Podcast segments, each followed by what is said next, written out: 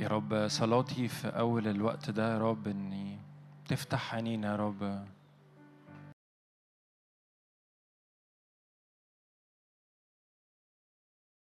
يا رب على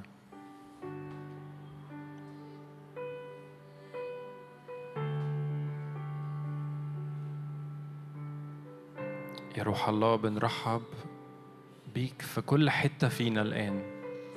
أنت بالفعل هنا لكن إحنا بنديك المساحة إنك تسود وتملك على أجسادنا وأنفسنا وأرواحنا الآن.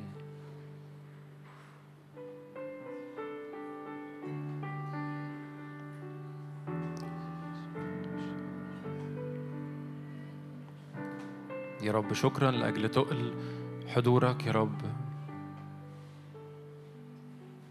شكرا يا رب. لأجل سحابة مجدك يا رب اللي بتملى يا رب كل المكان الآن.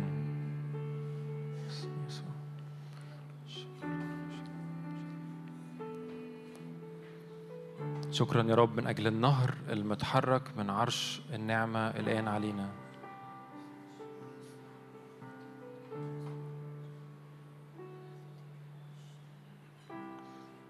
وكأن الوقت ده أنت بتثبت عينيك عليه هو على يهوى. مش بتنحصر في أي حاجة أنت جاي منها لكن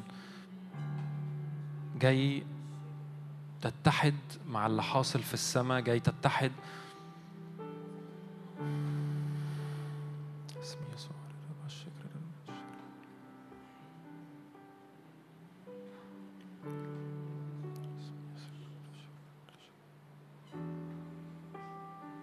يا رب شكرا لأجل المية اللي بتتحرك دلوقتي يا رب وسط الصفوف دلوقتي يا رب. شكرا يا رب لأجل سحابة مجدك إني لا يستطيع الكهنة الوقوف بسبب حضورك بسبب مجدك يا رب اللي بيغطي المكان كله باسم يسوع.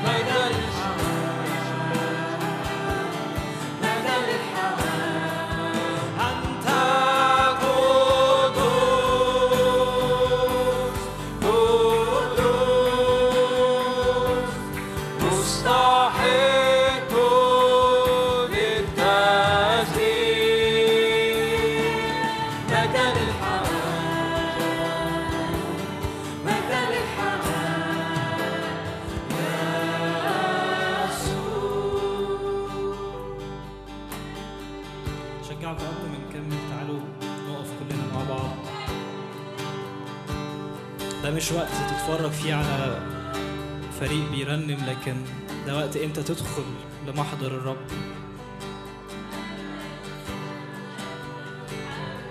زي ما موسى مال لينظر.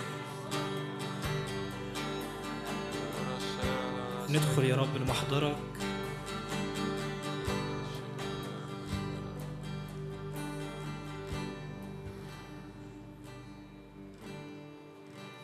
رب بنعلن ملكك.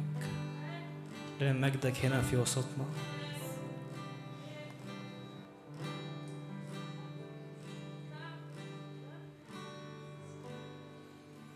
من توجك يا رب ملك علينا.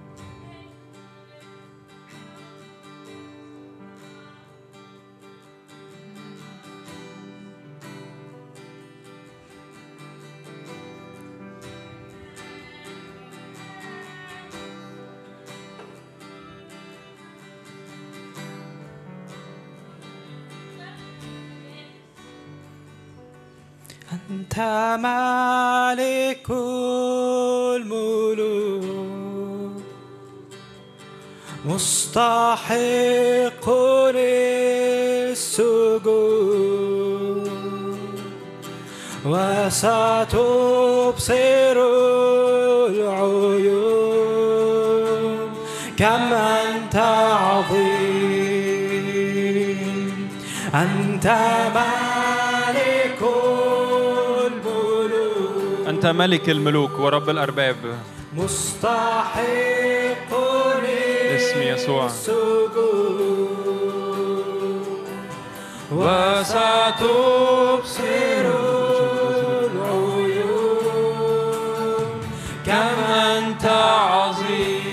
عظيم تعال نرفع ايدينا مع بعض ونمجد الحمل. الرب في علا. الرب في علا. هي هي. مكللا ببهاء. عظيم القدرة. شديد الرفعة. يلتف بالمجد. يا رب املأ بمجدك يا رب الآن املأ بمجدك يا روح الله. كل الظلمة الآن تختفي باسم يسوع. باسم يسوع. هي. عظيم عظيم. عظيم. عظيم يا الله. هي. كم أنت عظيم. يا الله كم أنت عظيم. عظيم.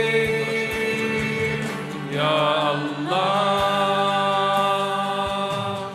أنت مالك الملوك. أنت مالك الملوك ورب الأرباب. مستحق اتحد اتحد مع اللي حاصل في السماء اتحد مع اللي حاصل. وستبصر يا رب كحل جديد يا رب كحل جديد يا رب لكل حد الآن باسم يسوع. باسم يسوع. أنت مالك أنت واقف قدام ملك الملوك ورب الأرباب. أنت واقف قدام خالق الكون. مستحق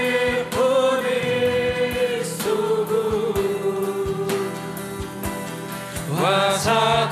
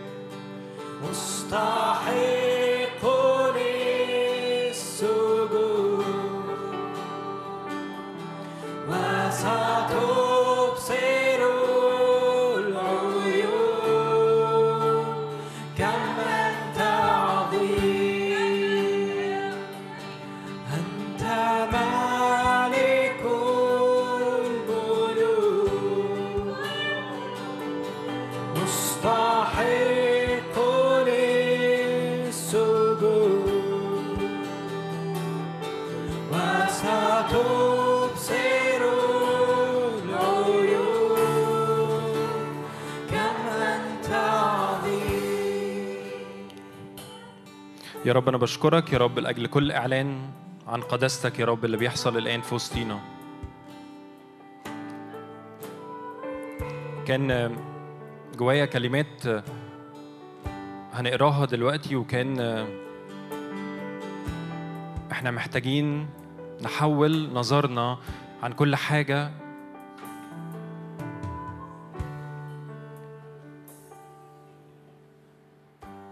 يا رب بشكرك لأجل كل مقابلة يا رب حصلت مع موسى يا رب في العلية المشتعلة بالنار يا رب. أنا بصلي.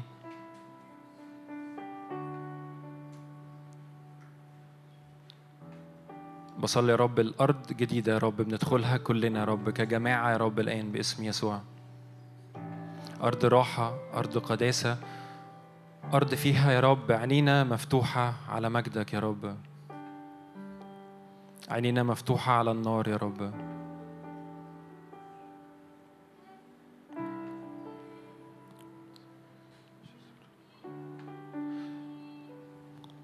جوايا كده نقرأ خروج ثلاثة يمكن البعض فينا عارف العلية المشتعلة بالنار بس أنا فارق معايا قوي إني وبقالي يمكن أسبوعين ربنا شاغلني قوي بالمشهد ده و...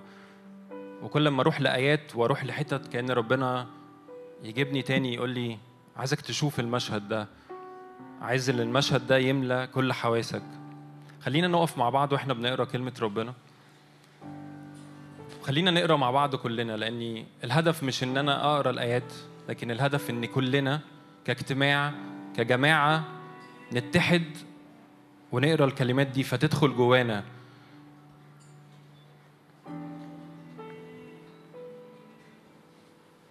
من أول عدد اتنين وزار له ملاك الرب بلهيب نار. أنا بس محتاج أسمع صوتكم لأني زي ما قلت لكم أنتوا يمكن شايفين على الشاشات أو ممكن تفتحوا الموبايلات بتاعتكم أو الإنجيل. خروج ثلاثة وظهر له ملاك الرب بلهيب نار في وسط العليقة فنظر وإذا العليقة تتوقد بالنار والعليقة لم تكون تحترق.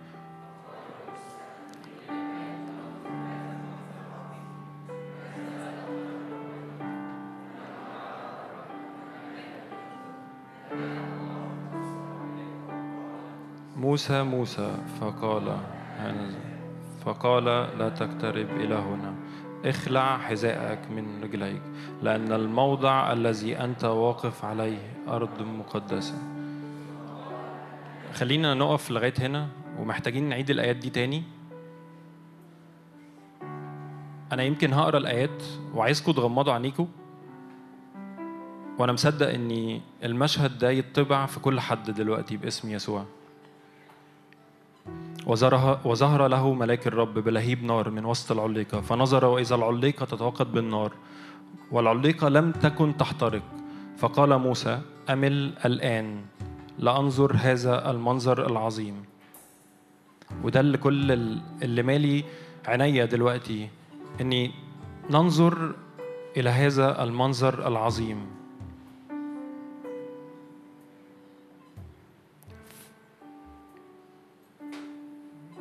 فلما رأى الرب إنه مال لينظر ناداه الله في وسط العليقه وقال موسى موسى.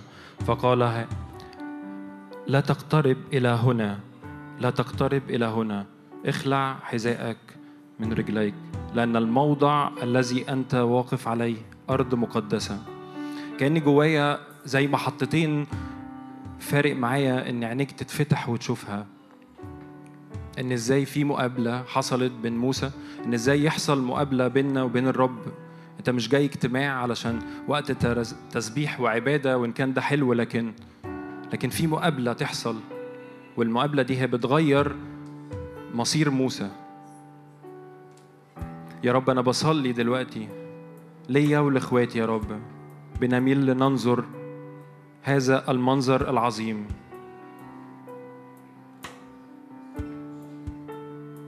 يا رب إحنا بنقلع كل أحذية يا رب بنقلع كل حاجة يا رب لأن الأرض اللي إحنا واقفين عليها هي أرض مقدسة.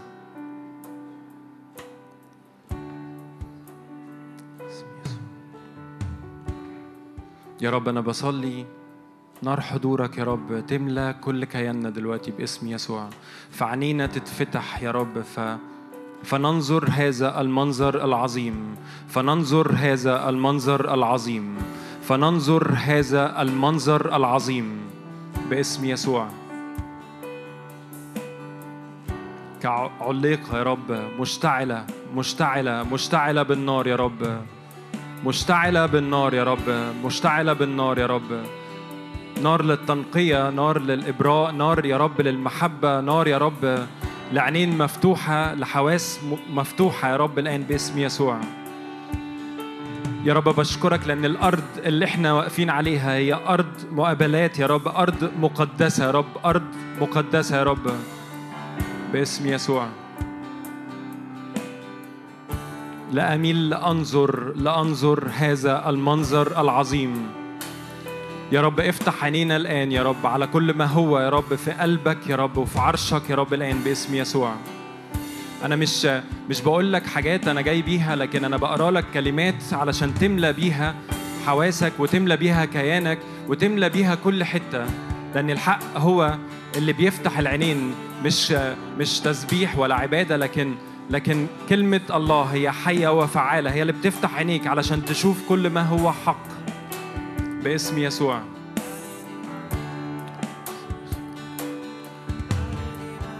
لأنظر لأنظر هذا المنظر العظيم. لأنظر هذا المنظر العظيم يا رب. نار حضورك يا رب نار غيرتك تاني يا رب. علينا كلنا يا رب كنقلة جماعية يا رب بتحصل وسطينا يا رب. لا يفقد فينا أحد يا رب لا يفقد أحد باسم يسوع. يا رب الأرض اللي إحنا واقفين عليها أرض مقدسة. أنا أنا مجرد بعيد الآيات بعيد الآيات علشان علشان كل حد فينا يحصل إن ال- الأرض بتاعتنا تتقابل مع كلمات الله الحية والفعالة الآن. فما تحسش إني أنا منتظر ترنيمة أو منتظر إيه الفقرة اللي بعد كده لكن إحنا في المشهد العظيم ده. اسم يسوع. لهيب نار يا رب لهيب نار وغيرة جديدة يا رب. ونار يا رب مقابلة يا رب في الموضع المقدس في الموضع المقدس يا رب. يا رب كل الناس هنا بقالها وقت يا رب كأنها كانت حاسة بانفصال أو حاسة إني أنا مش قادر أدخل تاني. اقرأ خروج ثلاثة وشوف المشهد العظيم.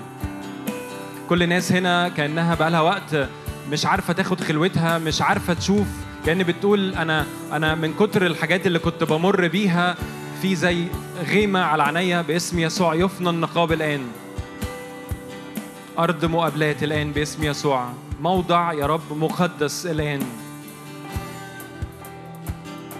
أهيا أهيا الذي أهيا أهيا الذي أهيا. باسم يسوع لو بتصلي بالروح تعالى نصلي مع بعض. تعالى قول له يا رب املاني بالمشهد السماوي ده. املاني باللي حاصل. املاني يا رب بكل مقابلة منك انت. مش مقابلة من أي حاجة تانية يا رب. مش مقابلة من العالم ولا مقابلة من التحديات ولا من المقارنات ولا جاي من إيه. لكن املى يا روح الله المشهد أنت. أرض مقدسة يا رب. يا رب بنقلع كل رداء يا رب الآن. لأجل مقابلة جديدة يا رب معاك باسم يسوع.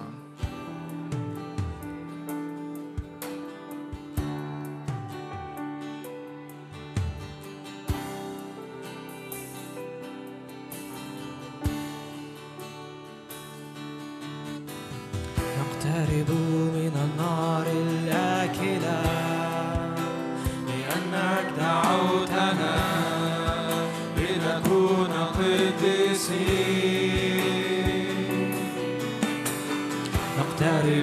من النار الآكلة لأنك دعوتنا لنكون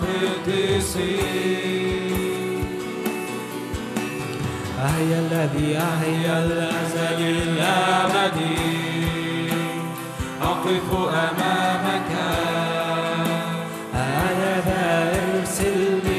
مقابلات جديدة باسم يسوع. مقابلات جديدة باسم يسوع. أنت واقف قدام أهيا الذي أهيا. أقف أمامك. أنا ذا ارسلني نقترب من النار الآكلة. إحنا جوه النار الآكلة الآن. دعوتنا. لنكون قديسين قداسة جديدة يا روح الله قداسة جديدة باسم يسوع. نقترب من النار الآكلة. نار أكلة يا روح الله باسم يسوع. يا رب أنا بعلن نار أكلة جديدة. باسم يسوع. نقترب من النار الآكلة. لأنك دعوتنا. لنكون قديسين أهيا الذي أهيا الأزل الأبدي أقف أمامك. هذا ارسلني. الذي أحيا الأزل الأبدي أقف أمامك.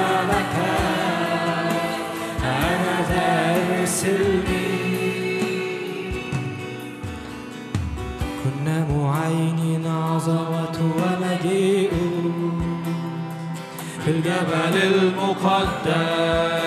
تعالى الآن علينا. باسم يسوع. كنا معين عظمة ومجيد في الجبل المقدس. تعالى الآن علينا. كنا معين عظمة ومجيد في الجبل المقدس. تعالى الآن علينا تعالى يا روح الله علينا الآن. كنا معين عظمة ومجيد كزوبعة من الحضور الإلهي الآن باسم يسوع. المقدس. أهيا الذي أهيا باسم يسوع. علينا. أهيا الذي أحيا الأزل الأبدي نار آكلة يا روح الله في المكان كله باسم يسوع. ملائكة حضورك يا رب الصعدة والنازلة الآن باسم يسوع. أحيا يا رب أرض مقابلات يا روح الله أرض مقابلات باسم يسوع. أهيا الذي أهيا أهيا الذي أهيا. الذي أحيا ردد ردد ردد هذه الكلمات. ما تقفش تتفرج. أرض مقابلات أرض مقابلات أرض تغيير الآن باسم يسوع. أهيا الذي أحيا الأزل الأبدي. أقف أمامك.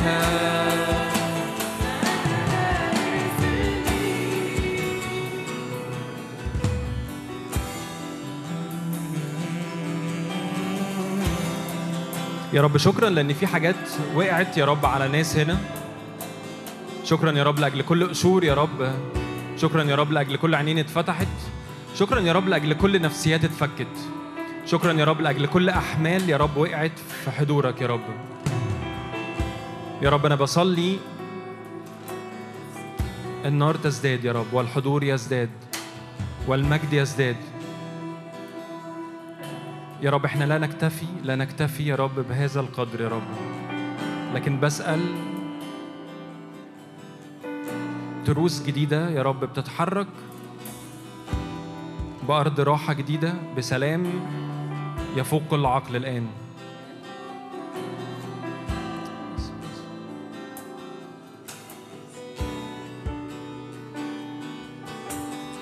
نقترب من النار الآكلة لأنك دعوتنا لنكون قديسين.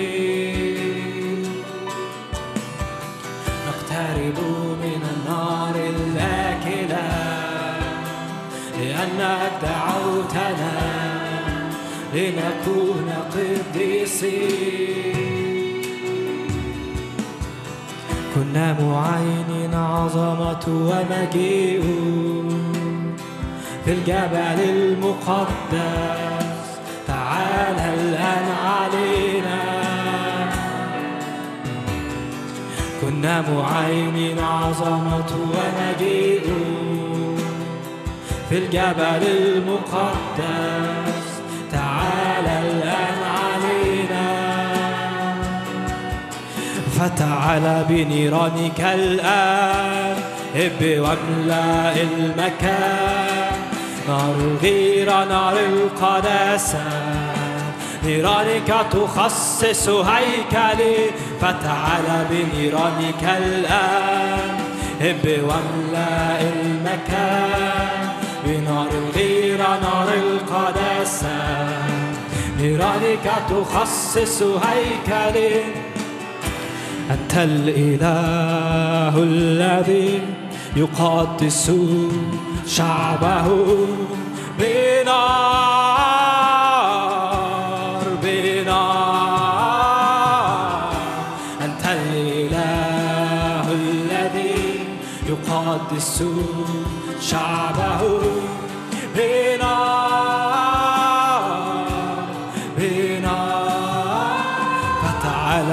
بنيرانك الآن هب واملأ المكان بنار الغيرة نار القداسة نيرانك تخصص هيكلي فتعال بنيرانك الآن.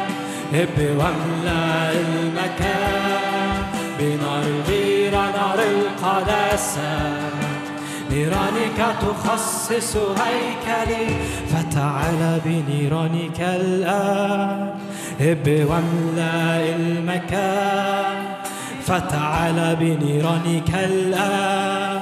هب واملأ المكان. فتعال بنيرانك الآن. هب واملأ المكان. فتعال بنيرانك الآن. هب واملأ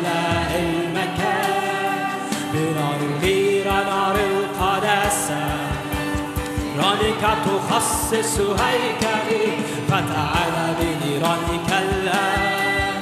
هب واملأ المكان بنار غير نار القداسة نارك تخصص هيكلي. هب يا روح الله هب كالرياح هب لبيتك.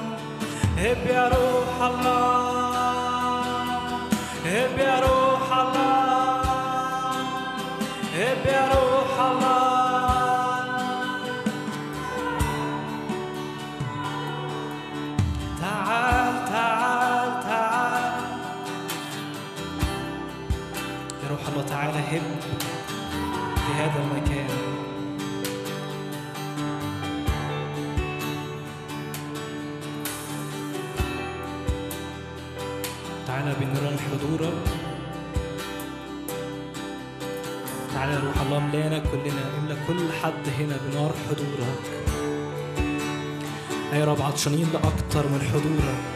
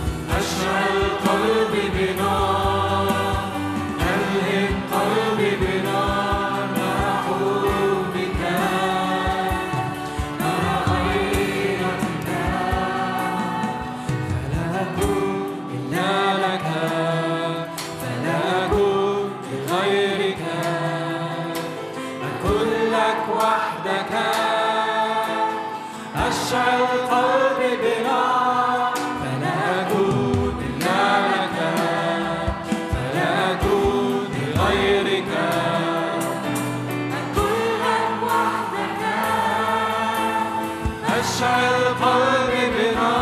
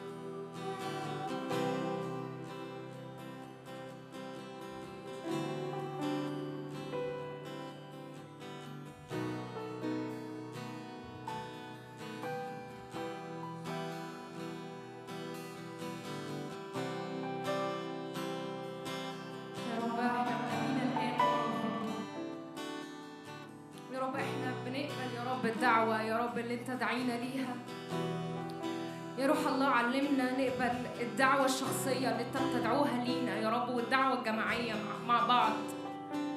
يا رب إحنا بنميل الآن وننظر. يا روح الله افتح علينا لنميل وننظر.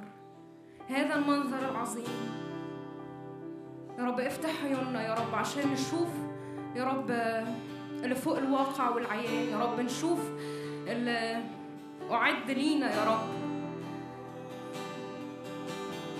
افتح عينينا يا روح الله.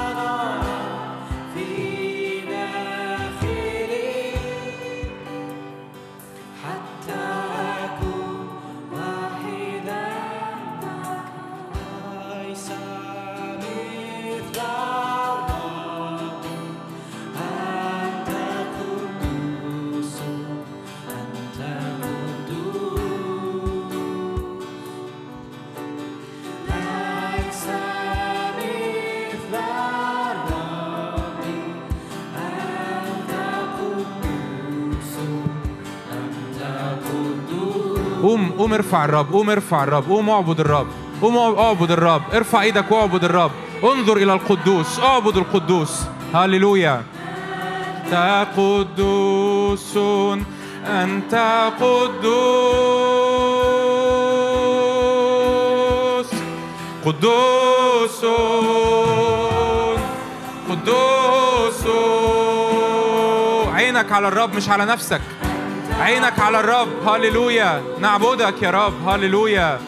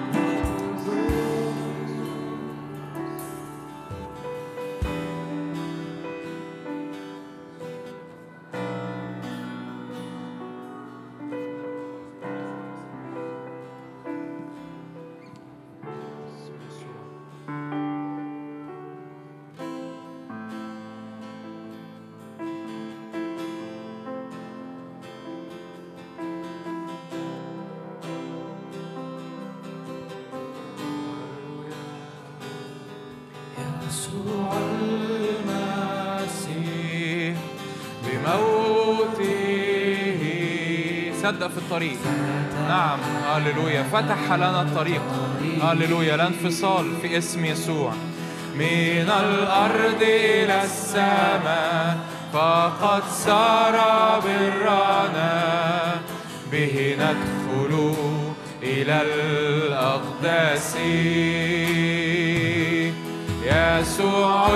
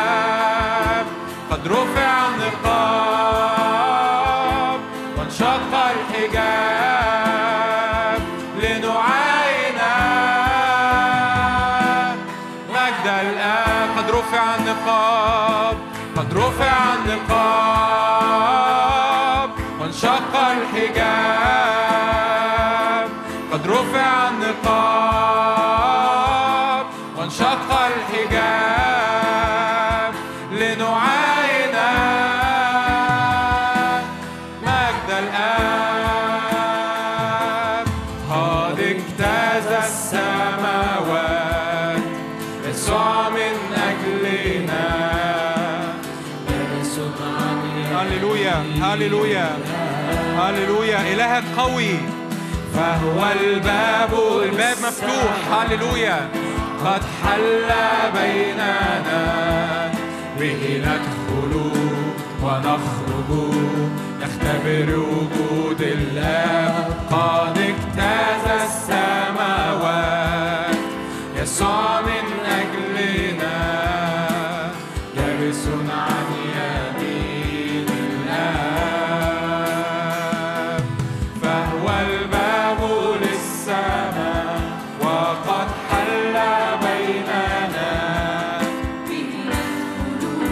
هللويا هللويا نختبر وجود الآب. ما هذا إلا بيت الله. ما هذا إلا باب السماء. ما هذا إلا بيت الله. ما هذا إلا باب السماء. قد انفتحت لنا السماوات ما هذا إلا بيت الله.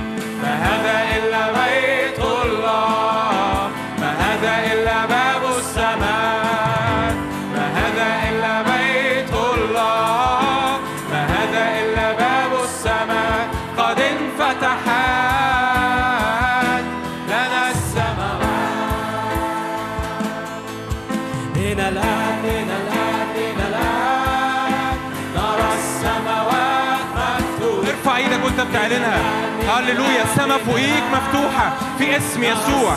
لا فاصل لا تشويش لا خزي هللويا. ولا شكاية في اسم يسوع. نرى السماوات وملائكة. صاعدة ونازلة من الآن من الآن. من الآن من الآن من الآن. نرى السماوات من الآن من الآن من الآن. نرى السماوات مفتوحة. من الآن من الآن من الآن. نرى السماوات وملائكة. صاعدة ونازلة ما أنا إلا بيت ما أنا إلا بيت الله. ما أنا إلا هيكل لله. ما أنا إلا بيت الله. ما أنا إلا سكن الإله نعم. ما أنا إلا هيكل لله. ما أنا إلا صدق. هللويا. الروح القدس فيك. ما أنا إلا هيكل لله. هللويا. هللويا. ما أنا إلا سكن الإله ما أنا. ما أنا. ما أنا إلا هيكل لله. هللويا. ما أنا إلا سكن الإله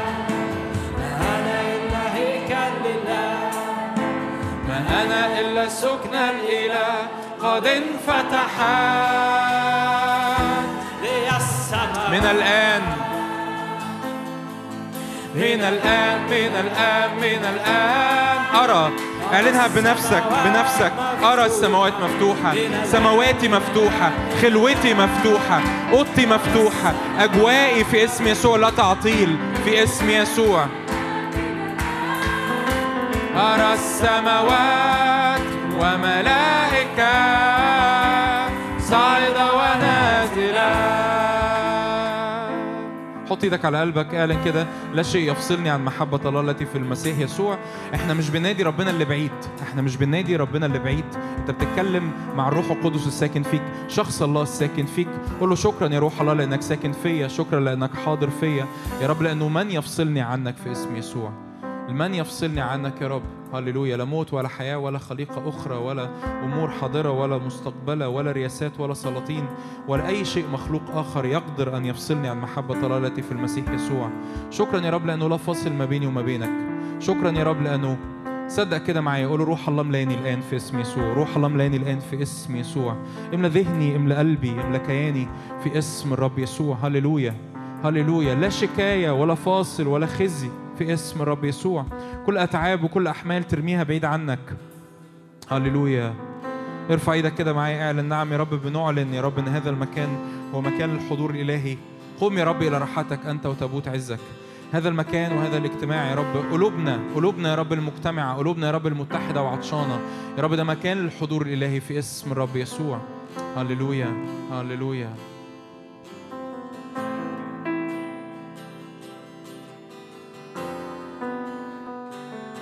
روح الله تعالى ملاني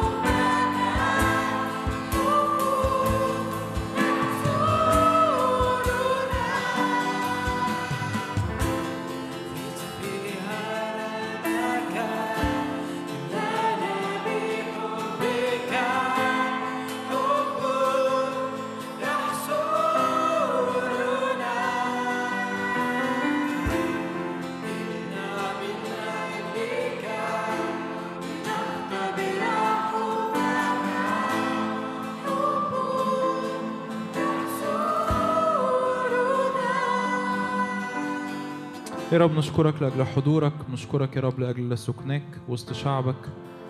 يا رب بعلن يا رب كده غطاء من حضورك وغطاء يا رب من مسحتك في اسم رب يسوع على كل واحد فينا في اسم رب يسوع. يا رب لا يكون عاثر في وسطنا لا يكون عاثر في وسطنا في اسم يسوع. روح الله تعالى تكلم كلمات الحياة كلمات القوة كلمات التشجيع كلمات الحكمة. قول روح الله روح الحكمة والإعلان. تعالى النهاردة نور ذهني نور قلبي. نور مشاعري عشان استقبل كلمات الحكمة في اسم رب يسوع. في اسم رب يسوع. كلمات الحكمة وكلمات الحياة على ذهني وعلى أفكاري وعلى قلبي في اسم رب يسوع. علمني طريقك حتى أعرفك لكي أجد نعمة في عينيك. قول رب علمني طرقك. اختم معايا بالصلوة دي. قول رب علمني طرقك في اسم يسوع. علمني طرقك. علمني طرقك. علمني حكمتك. علمني قلبك في اسم رب يسوع. لكل مجد يا رب. لكل مجد. اسم يسوع. آمين.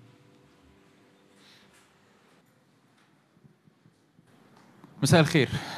مساء الخير. منورين آه كم حد موجود اللي كان موجود الحد اللي فات؟ هللويا كم حد؟ طب سمع الوعظة بتاعت الحد اللي فات حتى لو ما كانش موجود؟ أوكي.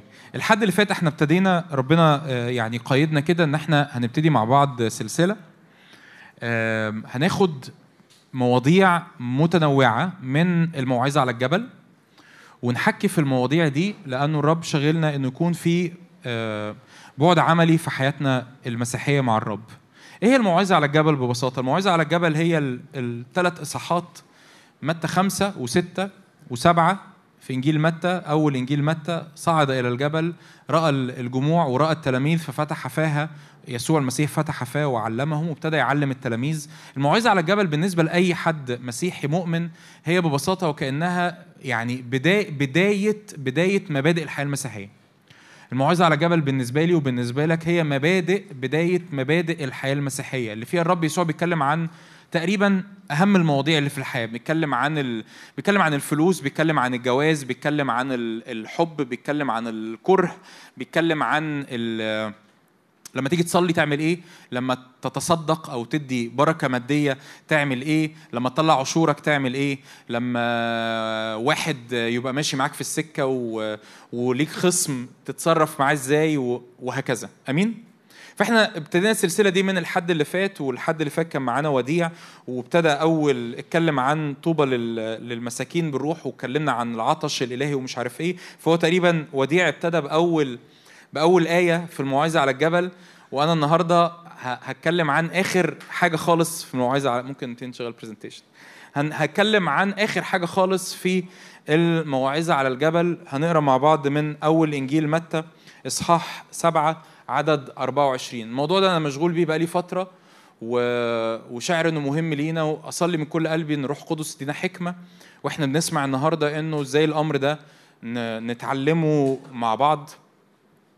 تعالوا نقرأ متى سبعة نخش على طول في الآيات من أول متى سبعة عدد 24 يقول كده الرب يسوع كل من يسمع أقوالي هذه ويعمل بها أشبهه برجل عاقل أيوة برجل عاقل بنى بيته على الصخر.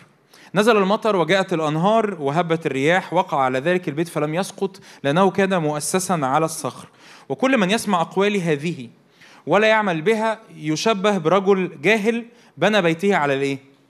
على الرمل. المثل ال- أو القصة اللي كلنا مشهور عارفين ترنيمة الرجل العاقل يبني بيته على الصخر والرجل الجاهل تسقط الأمطار. ف آه ودي مش آية بس مفيش مشكلة. ف... فنزل المطر وجاءت الأنهار وهبت رياح وصدم ذلك البيت بقى الرجل الجاهل بنى بيته على الرمل. فنزلت المطر وجاءت الأنهار وهبت الرياح وصدمت ذلك البيت. فسقط وكان سقوطه إيه؟ عظيما. فلما أكمل يسوع هذه الأقوال بهتت الجموع من تعليمه لأنه كان يعلم كمان له سلطان وليس كالكتب. الحقيقة قبل ما يعني لازم تبقى فاهم إنه إيه إيه اللي هنتكلم عنه النهارده؟ اللي هنتكلم عنه النهارده هو ال- الآيات البسيطة دي. إنه بالرغم إن أنت ممكن تكون مسيحي مؤمن عاي ب- بتحب الرب وممتلئ بروح القدس وبتخدم وفي علاقة ما بينك وبين الرب إلا إلا إنه هيحصل وأكيد حصل وهيحصل في المستقبل إنه حضرتك هتعدي بأوقات صعبة. وأنا عارف إن ده مش موضوع لذيذ يعني تحب إن أنت تسمع عنه وعظه بس هو ده اللي هنتكلم عنه النهارده.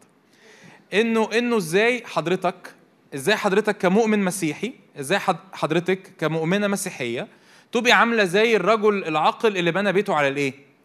على الصخر إنه إنه هذا الرجل وقع على ذلك البيت فلم يسقط لأنه كان مؤسسا على الصخر. خلي بالك الاثنين حاضرين نفس الوعظة الاثنين بيحضروا نفس الاجتماع الاثنين بيقروا نفس الكتاب المقدس بيقروا نفس الكتب الروحية بيتفرجوا على نفس الخدام على اليوتيوب. الاثنين آه المطره بتمطر عليهم. صح؟ الاثنين بيعدوا البيوت بتاعتهم بتعدي بعواصف وبأمطار وبزلازل وبحاجات مش كويسة. لكن في واحد حياته بإيه؟ بإيه؟ مش عارفين حصل له إيه؟ بتثبت. البيت بتاعه بيحصل فيه إيه؟ يثبت. واحد تاني البيت بتاعه بيحصل فيه إيه؟ بيهدم. والرب يسوع قال كده في يوحنا 16 عدد 33 أيوه. يقول كده الرب يسوع قد كلمتكم بهذا ليكون لكم فيا إيه؟ سلام. في العالم سيكون لكم إيه؟ ضيق. لكن ثقوا أنا قد غلبت العالم. أنا النهارده عايز أتكلم إنه إزاي حضرتك مؤمن مسيحي إزاي تبص للضيق بطريقة مختلفة وإزاي تتعامل معاه. أنا النهارده مش هكلمك عن إزاي تحل المشاكل بتاعتك في الضيق؟ لأن دي حاجة شخصية جدا وحاجة متنوعة جدا جدا. أنا لو قعدت مع كل واحد من حضراتكم كل واحد عنده قصة كل واحد عنده اختبار وكل واحد عنده مشاكل مختلفة في الضيقات اللي هو بيعدي بيها ففي واحد ضيقاته بسبب أهله في واحد ضيقاته بسبب الفلوس في واحد ضيقاته بسبب اختياراته الشخصية في واحد ضيقاته بسبب ايا كان بسبب مرض بسبب حاجة بره عني خالص حاجة في اقتصاد البلد وحش فأنا مش عارف أشتغل فأنا وهكذا. فكلنا عندنا قصص مختلفة ومش دايما عايز عايز أقول لك كده إنه مش دايما الموضوع يعني قلت التعبير ده في اجتماع من الاجتماعات وعايز أقوله تاني إنه مش دايما الموضوع بيخلص بسذاجة المؤمنين يعني أوقات أنا بشعر إنه في أمور ما بتنتهيش بمجرد إنك بتصلي يعني أنت أنت بتعدي في مشكلة معينة. والمشكلة دي بسبب بسبب خناقة أنت داخل فيها مع بابا وماما أو بابا وماما بيتخانقوا مع بعض في البيت وانت لأن انت عايش في البيت أو لو لأن انت عايشة في البيت فانت بتع... انت انت عايشة تقولي أنا عايشة في جحيم. ليه؟ لأنه بابا وماما بيتخانقوا على بعض في البيت و... وما بيكلموش بعض. طب أنا بصلي أقول لك وأنا كمان هصلي معاكي. بس مش دايما الأمور بتنتهي. مش دايما الأمور بتخلص. مش دايما الأمور بتبقى كويسة. معايا ولا إيه؟ ما عدتوش بأوقات صعبة قبل كده في حياتكم من الواضح حد هنا قبل كده حد بأوقات صعبة؟ لا خالص. ففي العالم سيكون لكم لا ليه ليه استعجلنا كده؟ ليه نقلنا السلايد؟ آه. ففي العالم سيكون لكم إيه؟ ضيق. لكن إيه؟ ثقوا. أنا قد إيه؟ غلا فالوعد مش إنه مش هتعدي بأي نوع من أنواع الضيقات في حياتك. مش ده الوعد. ما كانش الوعد بتاع الرب يسوع في نهاية الموعظة على الجبل إنه لما إنه إنه الراجل اللي بيسمع كلامي وبيعيشه مش هتأتي عليه الأمطار ومش هتأتي عليه الرياح ومش هتأتي عليه الزلزلة. ما كانش ده الوعد. الوعد إنه بالرغم إنه هذا البيت هيأتي عليه الأمطار ويأتي عليه الزلزلة ويأتي عليه الرياح إلا إن هذا البيت هيحصل فيه إيه؟ يحصل فيه إيه؟ يثبت تقول له رب أنا عايز المعجزة دي النهارده. اني بالرغم من في ضيقات أنا ممكن أكون بعدي بيها إلا إني هيحصل في حياتي إيه؟ هيحصل في حياتي إيه؟ هثبت أنا مش مش هتهدم مش هتكسر مش هتبلع مش هغرق تحت المطر والزلزلة مش هتبلعني وحياتي مش هتنتهي ومستقبلي مش هينتهي. لكن يوجد أيضا رجاء. أنا حياتي هيكون ليها رجاء ووجهة نظر مختلفة من وجهة نظر الرب. أمين ده اللي أنا عايز أحكي فيه النهارده. أنا هحكي النهارده عن أمور إزاي تبتدي تبص على وقت الضيق بطريقة مختلفة. ده اللي أنا هتكلم عنه النهارده. فمش هديك يعني ما تتوقعش إن أنت بعد الوعظة يبقى معاك روشتة. كيف أتخلص من وقت الضيق؟ ده مش موجود. انت معايا ولا إيه؟ ده مش موجود. يعني إزاي كل أنا عايز اجابة تحل لي كل مشاكلي. ده مش موجود. ده مش موجود. هتعدي بمشاكل. أنا مش بتنبأ سلبيا على حياتك. ده هيحصل. هتعدي بمشاكل. والمشاكل دي ليها أسباب مختلفة. وهتعدي بأوقات صعبة. وهتعدي بأوقات انت هتحس انت فيها مش مبسوط. والأمور ما بتخلصش وفي حاجات بتصلي لها وما بتخلصش وفي حاجات ليها علاقة بيك فأنت قادر تتصرف فيها وفي حاجات ليها علاقة بآخرين حواليك أنت مش قادر تتصرف فيها فالأمور ما بتخلصش. بس عايز أقول لك إنه بالرغم من في أمور ممكن تكون بتخلص وبتحسم ورب يخرجك من الضيق من وجه ضيق إلى رحب لا حصار فيه لكن في حاجات تانية مش هتخلص. ليه؟ مش موضوعي دلوقتي لكن المهم إزاي أنت حضرتك وحضرتك تتعلم إنه بالرغم من الضيق أعدي سليم. مش بس أعدي سليم لكن أعدي أقوى من الأول. مين يقول آمين؟ آمين. في في كام سبب للضيقات عموما؟ أربع أسباب. أول سبب هو الآخرين اللي حواليك. ففي ناس حواليك مسببين لك مشاكل. آه بابا وماما بيتخانقوا في البيت أخويا مطلع عيني صحابي ما بيحبونيش مرتبطة بولد آه، مغلبني معاه مرتبط ببنت آه، مطلعة عيني آه، ايا كان. فده أول سبب من أز... ودي أسباب تقول لي ليه مش كل المشاكل بتتحل؟ ليه؟ لأنه في في ضيقات أنت بتعدي بيها ممكن يكون مين السبب فيها؟ ممكن يكون مين السبب فيها؟ ناس تانية مش أنت. يعني مش أنا مش أنا السبب. أنا ما عملتش حاجة في السبب ده. أنا مش أنا اللي سببت لنفسي المشكلة دي. ناس تانية برايا عندهم إرادة حرة. دكتور دخل ال- المحاضرة متخانق مع مراته في متخانق مع مراته في البيت دخل المحاضرة قال الدفعة دي كلها هتعيد السنة. ده ظلم ولا مش ظلم؟ ظلم. ربنا عايزه ولا مش عايزه؟ مش عايزه بس ممكن يحصل. برغم إن ربنا مش عايزه آه. ليه؟ لأن هذا الدكتور عنده إرادة حرة وعنده اختيارات حرة. واوقات وأوقات بيحصل ظلم في العالم اللي إحنا عايشين فيه. فتيجي تتكلم معايا بقى وتشد في شعرك وتقولي أنا ذنبي إيه؟ أنا ماليش ذنب ده أنا مؤمن ده, ده كنت بصلي ده أنا كنت واخد وعود بكذا آه، ايا كان بقى كل القصص دي. آه طب إيه اللي حصل؟ أنت مالكش ذنب. طب ربنا فين؟ ربنا موجود. طب راح فين ربنا؟ هيعبر بيك في زمن الضيق. هيعديك في زمن الضيق. هتبقى عامل زي البيت اللي تأتي عليه الأنهار والأمطار والرياح والزلزلة وهذا البيت إيه اللي يحصل له؟ يثبت. فالقصة مش إنه في بيت معفي والبيت التاني طول الوقت آه، في في في, صراعات والبيت التاني طول الوقت الدنيا ربيع. لا. كلنا بلا استثناء بنعدي بأوقات صعبة. إيه السبب التاني الاسباب ال- الضيق ال... هتقلب أهو أيوه. الظروف وال... والكوارث الطبيعية اللي برايا خالص. آه فكورونا. شر بره وبعيد يعني. فتيجي وباء على العالم كله في سنة من السنين ف ف فتقول لي أنا من ساعتها مثلا فقدت أصحابي. أنا فقدت حد غالي عليا. أنا جده كنت بحبه ومات بسبب الكورونا. أنا كن آه، بابا كان بيشتغل شغلانة كويسة وبعد الكورونا قفل البيزنس بتاعه وقعد في البيت وحالتنا المادية مش زي ما هي. فده إيه؟ براك خالص السبب ده. مالكش أنت دعوة بيه. فده ظروف وكوارث طبيعية. السبب الثالث مين ده؟ فحرب روحية. فإبليس بقى يبعت لك هو طبعا مش شكله مش جميل كده يعني. بس يعني إيه؟ ف...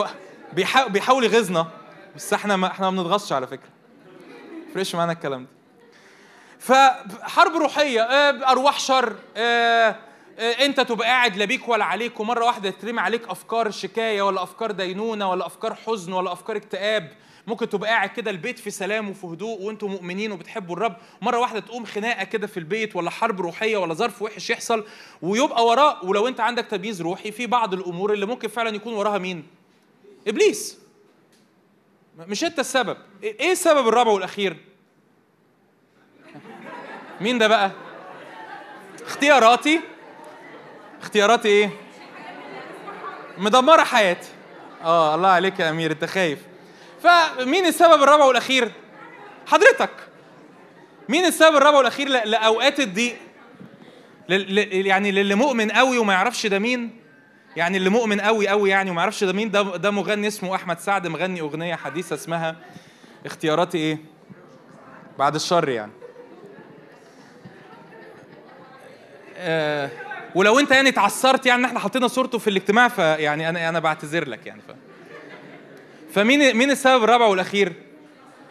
أنت. مش أحمد سعد لا. مش أحمد سعد هو السبب الرابع والأخير في في الضيقات لكن أنت. عندك اختيارات. آه، وعايز أقول لك مش مش بس اختياراتك مش بس اختياراتك اللي ممكن تكون مسببة مشاكل في حياتك.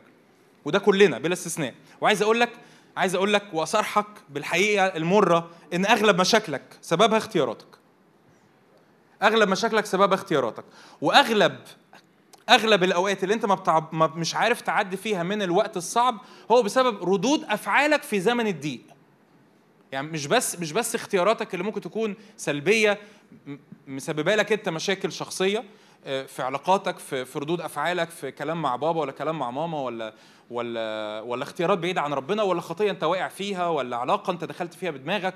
وعمال تقول هو ليه ربنا سمح وليه ربنا بعتها لي وهو ربنا ما بعتلكش حاجة أصلا ولا عمل لك حاجة ولا فاهمين اقصد إيه؟ فمش بس الاختيارات لكن كمان ردود أفعالك في الأوقات اللي أنت عارف إن أنت بتعدي بيها في ضيق وبتطلع ردود أفعال وردود الأفعال دي بدل ما أنت بت بتبص على الأمور بطريقة مختلفة وبتعبر في الضيق بشكل يعني زي ما هنحكي كمان شوية لكن أنت مصمم على رد فعل معين مصمم إن أنت تزنق دماغك وتزنق أفكارك. فأنت كل حياتك وقفت عشان البنت اللي سابتك نسيت الكلية ونسيت الدراسة ونسيت الشغل ونسيت الخدمة ونسيت علاقتك مع ربنا ونسيت صحابك ونسيت كل بركة حلوة الرب بعتها لك كل حاجة وقفت مش بسبب إن البنت سابتك لكن بسبب خلي بالك رد فعلك لما هي سابتك. فاهمين اقصد إيه؟ وقفتي كل حاجة في حياتك لأن في مشكلة معينة حصلت والمشكلة دي ممكن تكون حصلت لناس تانيين أو ممكن حتى تكون ما حصلتش لناس تانيين. لكن انت عارفة ان الروح القدس اللي فيكي اكبر من اي مشكلة ممكن تكوني بتعدي بيها لكن انت وقفتي كل حياتك وقفتي كل ال program بتاع حياتك كل مسيرتك مع ربنا وكل حاجة حلوة حاصلة في حياتك اتنست واتمسحت بسبب موقف معين انت عديتي بيه. مين عمل قبل كده رد فعل سلبي في الضيق؟ واحد صاحبنا اسمه داوود. القصة دي قوية جدا جدا جدا. أنا ممكن مش لازم أقرأ لك ال- الآيات كلها بس عايز أقرأ لك أول آية وأحكي لك القصة. قال كده داوود في صمويل الأول 27 قال داوود في قلبه إني سأهلك يوما بيد شاول. قال كده في يوم من الأيام إني سأهلك يوما بيد إيه؟ شاول. فلا شيء خير لي. أنا م- ملياش أي حاجة كويسة إن أنا أعملها فلا شيء خير لي من أن أفلت إلى أرض الفلسطينيين فيأس شاول مني فلا يفتش علي بعد في جميع تخوم إسرائيل فأنجو من يده. إيه اللي حصل ببساطة؟ اللي حصل كم حد عارف قصة داوود وشاول كويس يعني؟ داوود الملك اللي الرب مسحه. لا أنا عايز أشوف إيديك مرفوعة بس عشان عشان أطمن. ما الحمد لله. فما أنا عارف بس برضه يعني زيادة التأكيد يعني. صدقني في ناس ممكن تكون رفعت إيديها وهي مش عارفة القصة بس يعني بعدين الموضوع ده. بعدين الموضوع. ففي في ملك اسمه واحد اسمه داوود. داوود ده الرب اختاره إنه يكون إيه؟ ما شو ما ردوش عليا. اختاروا إنه يكون إيه؟ ملك. ف, ف وكان أصغر راعي داوود والحرب كانت جبارة والقصة دي كلها. ف... فالرب اختاره إنه يكون ملك بس في نفس الوقت كان في واحد تاني ملك برضو اسمه إيه؟ شاول. آه، داوود وشاول من صمويل الأول تقريبا اصحاح 18 لحد لحد قبل القصة دي لحد صمويل الأول اصحاح 26 سنين بتعدي على داوود وفي وشاول بيطارد داوود. شاول عايز يموت داوود عايز يقتله. وكذا مرة يحصل إنه داوود يبقى قدامه الفرصة إنه يقتل شاول وداوود ما ما ما ما يمدش إيده على شاول بل بالعكس يعني خلاص بقى يكبر دماغه ويقول له بص ربنا حطك في ايدي بس أنا مش همد ايدي عليك وهكذا. بس من الواضح انه انه بالرغم انه مفيش حاجة معينة حصلت في الوقت ده لكن من الواضح بسبب انه داوود اتراكمت عليه المشاكل الكتير داوود عمل رد فعل نفسي في القصة دي. إيه الرد الفعل النفسي؟ قال كده وصل لاستنتاج. انه من الواضح اني هموت. طب إيه اللي حصل يا داوود؟ ما حصلش حاجة. يعني إيه اللي حصل مختلف؟ ما حصلش حاجة. يعني هل مثلا كان في... تقول لي مثلا هل تقرأ الإصحاح اللي قبلها؟ كان في معركة مثلا شديدة ما بين داوود وشاول و... و... و... وداوود مثلا حصلت له إصابة خطيرة؟ ما حصلش حاجة. بس هو داوود وصل لاستنتاج نفسي بسبب كتر الأحمال وبسبب التعب المتكرر وصل لاستنتاج نفسي إني إيه؟ أنا هموت. فأنا أحسن حاجة أعملها إن أنا أهرب من المكان ده. راح فين داود راح عند الفلسطينيين. مين الفلسطينيين دول؟ دول أعداء شعب إسرائيل. دول أعداء شعب الرب. ومش بس راح عند الفلسطينيين لكن دا داود لما تقرأ بقى صمويل أول 30 داود كان مستعد يخرج للحرب معاهم. يعني داود خرج في صفوف الفلسطينيين عشان يحارب مع الفلسطينيين ضد شعب إسرائيل. تاني معلش عشان بس أجمع اللي, اللي تاه مني. داود من شعب إيه؟ اسرائيل شعب إسرائيل ده اللي هو مع مين؟ بيعبد مين؟ بيعبد ربنا تمام؟ داود ساب شعب ربنا وراح عند مين؟ عند الفلسطينيين. وهيحارب مين؟ شعب إسرائيل. لحد ما حصل موقف والفلسطينيين نفسهم قالوا له يا داود ما تطلعش معانا الحرب فروح. روح بقى المدينة بتاعته اللي اسمها صقلغ لقى إن صقلغ دي المدينة بتاعته اللي هو بناها واللي هو كان حاطط سايب فيها مراته وسايب فيها عياله وسايب فيها الغنم بتاعته وسايب فيها كل أملاكه. صقلغ دي محروقة وكل الممتلكات بتاعت داوود وال 600 راجل اللي معاه اتسرقت. ويأتي هو من غير ما أقرأ لك الآيات يعني. ويجي هنا السؤال مين السبب إن ده يحصل؟ داود أحمد سعد. مش الضيق. اللي أنا بقوله ده مهم محتاج تركز فيها. هي دي الوعظة. مش الضيق. ليه؟ لأن قبل القصة دي داود بقاله سنين في حالة ضيق. وبعد القصة دي ما خلصت داود برضو استمر شوية في حالة الضيق. إيه اللي فرق في القصة دي؟ يا رب يقولوا صح. أيوه أه. رد فعله. إيه اللي فرق في القصة دي؟ رد فعله الشخصي. أنا أنت اتصرفت إزاي؟ ما أنت كنت كل شوية بتتشدد بالرب وتروح كاتب لنا ترنيمة وكاتب لنا مزمور 18 وكاتب إن نزل علي جيش ولا يخاف قلبي وإن قامت علي حرب في ذلك أنا مطمئن. وتكتب لنا ترانيم وتعظم الرب وتقول له وت- وتقف قدام شاول وتقول له آه، الرب يظهر بري وبرك والرب يحكم لي بحسب بري واخد اختيارات كويسة وبيتبع الرب بقلبه ومش عارف إيه. جه في وقت من الأوقات زهق. قال أنا أنا تعبت أنا زهقت أنا ملياش نفسي أكمل يا ريت نموت طب هتعمل إيه؟ أنا ههرب أروح عند العدو. خد اختيارات ممكن بلغتنا النهارده دخل في علاقة ما كانش المفروض يدخل فيها. دخل في شغلانة مش المفروض إنه يشتغلها. دخل في في في خطية عشان يلهي نفسه. دخل في إدمان ما كانش المفروض إنه يدخله. عمل رد فعل نفسي علشان هو حس إن هو تقل جدا جدا تعب جدا جدا فهو مش قادر يكمل.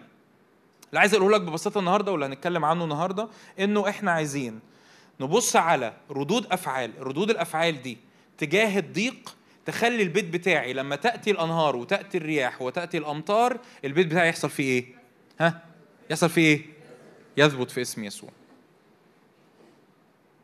فأنا النهارده تاني مش بكتب لك روشتة كيف تتخلص من جميع مشاكل حياتك.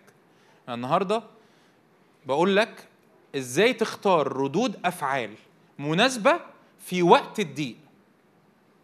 ردود أفعال تطلعك من الوقت الصعب أحسن مما دخلته.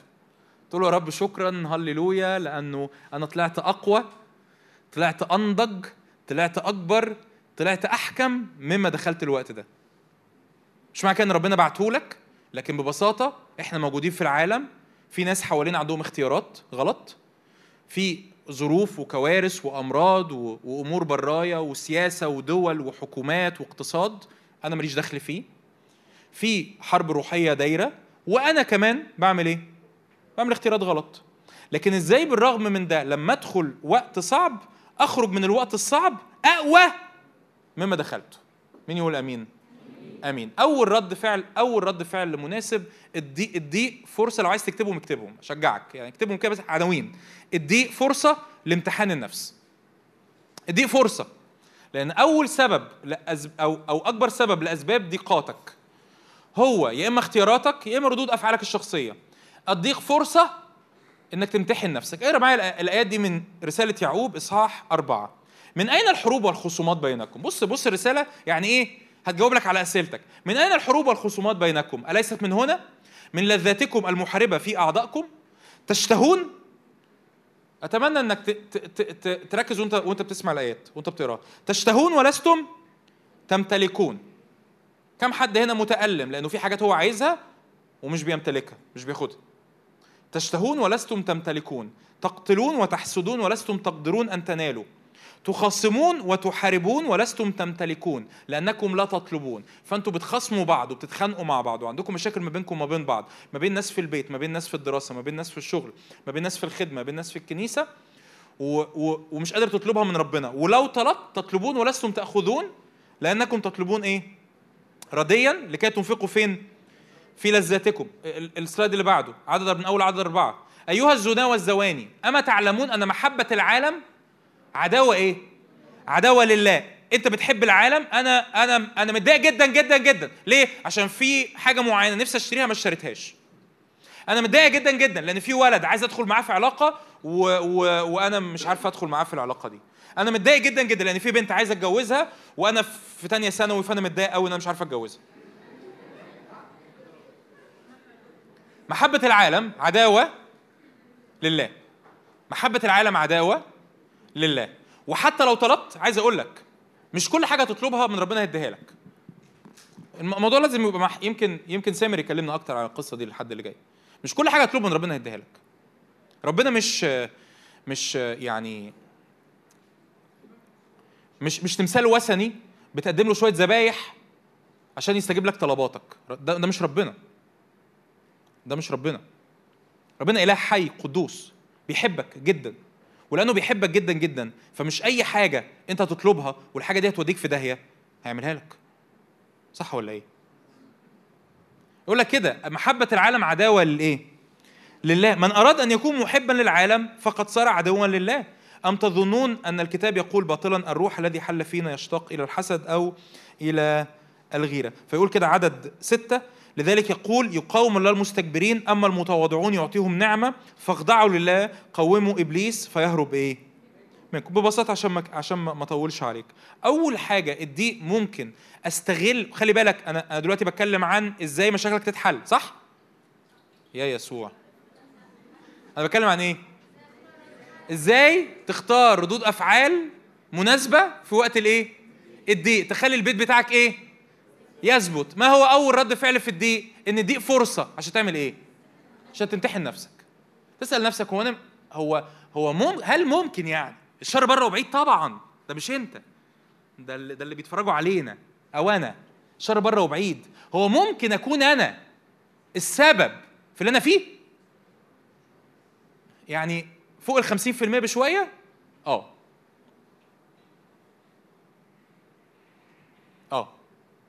حتى لو الاختيارات دي انت ما عملتهاش لكن اوقات حتى ردود افعالك لمشاكل انت لألم انت بتعدي فيه انت اللي بيسبب بيسبب ليك ألم زيادة. بيسبب ليك وجع زيادة. بيسبب ليك تعب زيادة. ليه؟ لأن عملت ردود أفعال فيها اختيارات. بعيدة عن الرب، فيها اختيارات. مش مقدسة، فيها اختيارات. مش بحسب الكلمة، ومصمم. أوقات أوقات أنا مصمم يعني إيه؟ بص الدنيا كلها في كفة والحاجة دي كده أنا زانق حاجة كده معينة وحاططها حيطة كبيرة. هي بتاع فسفوسة قد كده، بس حيطة كبيرة ما بيني وما بين ربنا، ما باخدش خلوتي، ما بحضرش اجتماعات، مش عايز حد يكلمني عن ربنا، ما تكلمنيش عشان مش عارف إيه، أنا هعمل كذا، أنا هعمل كذا، أنا هعمل كذا، أنا متضايق جدا جدا، ليه؟ عشان الحاجة دي ما حصلتش، لا هو حقيقي حب- حبيبي أنت بقيت متضايق زيادة. وبقيت تعبان زيادة لأنك أنت أفورت. لأنك عملت مشكلة كبيرة ضخمة من حاجة صغيرة قوي وحطيتها حيطة كبيرة من بينك وبين الرب. وينفع تبقى نفس نفس أنا أنا بفكرك بداوود اللي هو مش واحد تاني لأ ده نفس الشخص. نفس الشخص بيعدي بنفس الظروف لسنين كتيرة. بس أول ما نفس الشخص ده أخد رد فعل غلط في وقت غلط حصل له إيه؟ الضيق زاد ولا قل؟ زاد. نفس الشخص بيعدي بنفس الظروف. لما خد رد فعل خاطئ في وقت معين خلاه يطلع قرارات غلط المشكلة زادت. فأول حاجة محتاج أعملها في وقت الضيق محتاج أسأل نفسي ببساطة من غير شكاية من غير ما تحس إن أنا إيه أنا أكيد اللي بيحصل لي ده حصل عشان أنا وحش لأ مش مش بقول لك كده. أنا بقول لك إنه ما, يكونش أنت عملت ردود أفعال معينة أو اختيارات معينة سببت ال- اللي أنت فيه ده. ما. ما تفكر شوية. تقول لي أنا بابا عصبي. تمام. عصبي. أنت عملت إيه؟ أنا عمال أتخانق معاه. طب ما تسيبه. مش هو عصبي؟ سيبه. تتكلمش معاه وهو عصبي. لا ما هو لازم لازم أعرفه إن أنا كبرت. ما, ما انت ما أنت كده هتعرفه إنك كبرت هو برضه هيعرفك إن هو عصبي. يعني هياكد هيأكد المعلومة.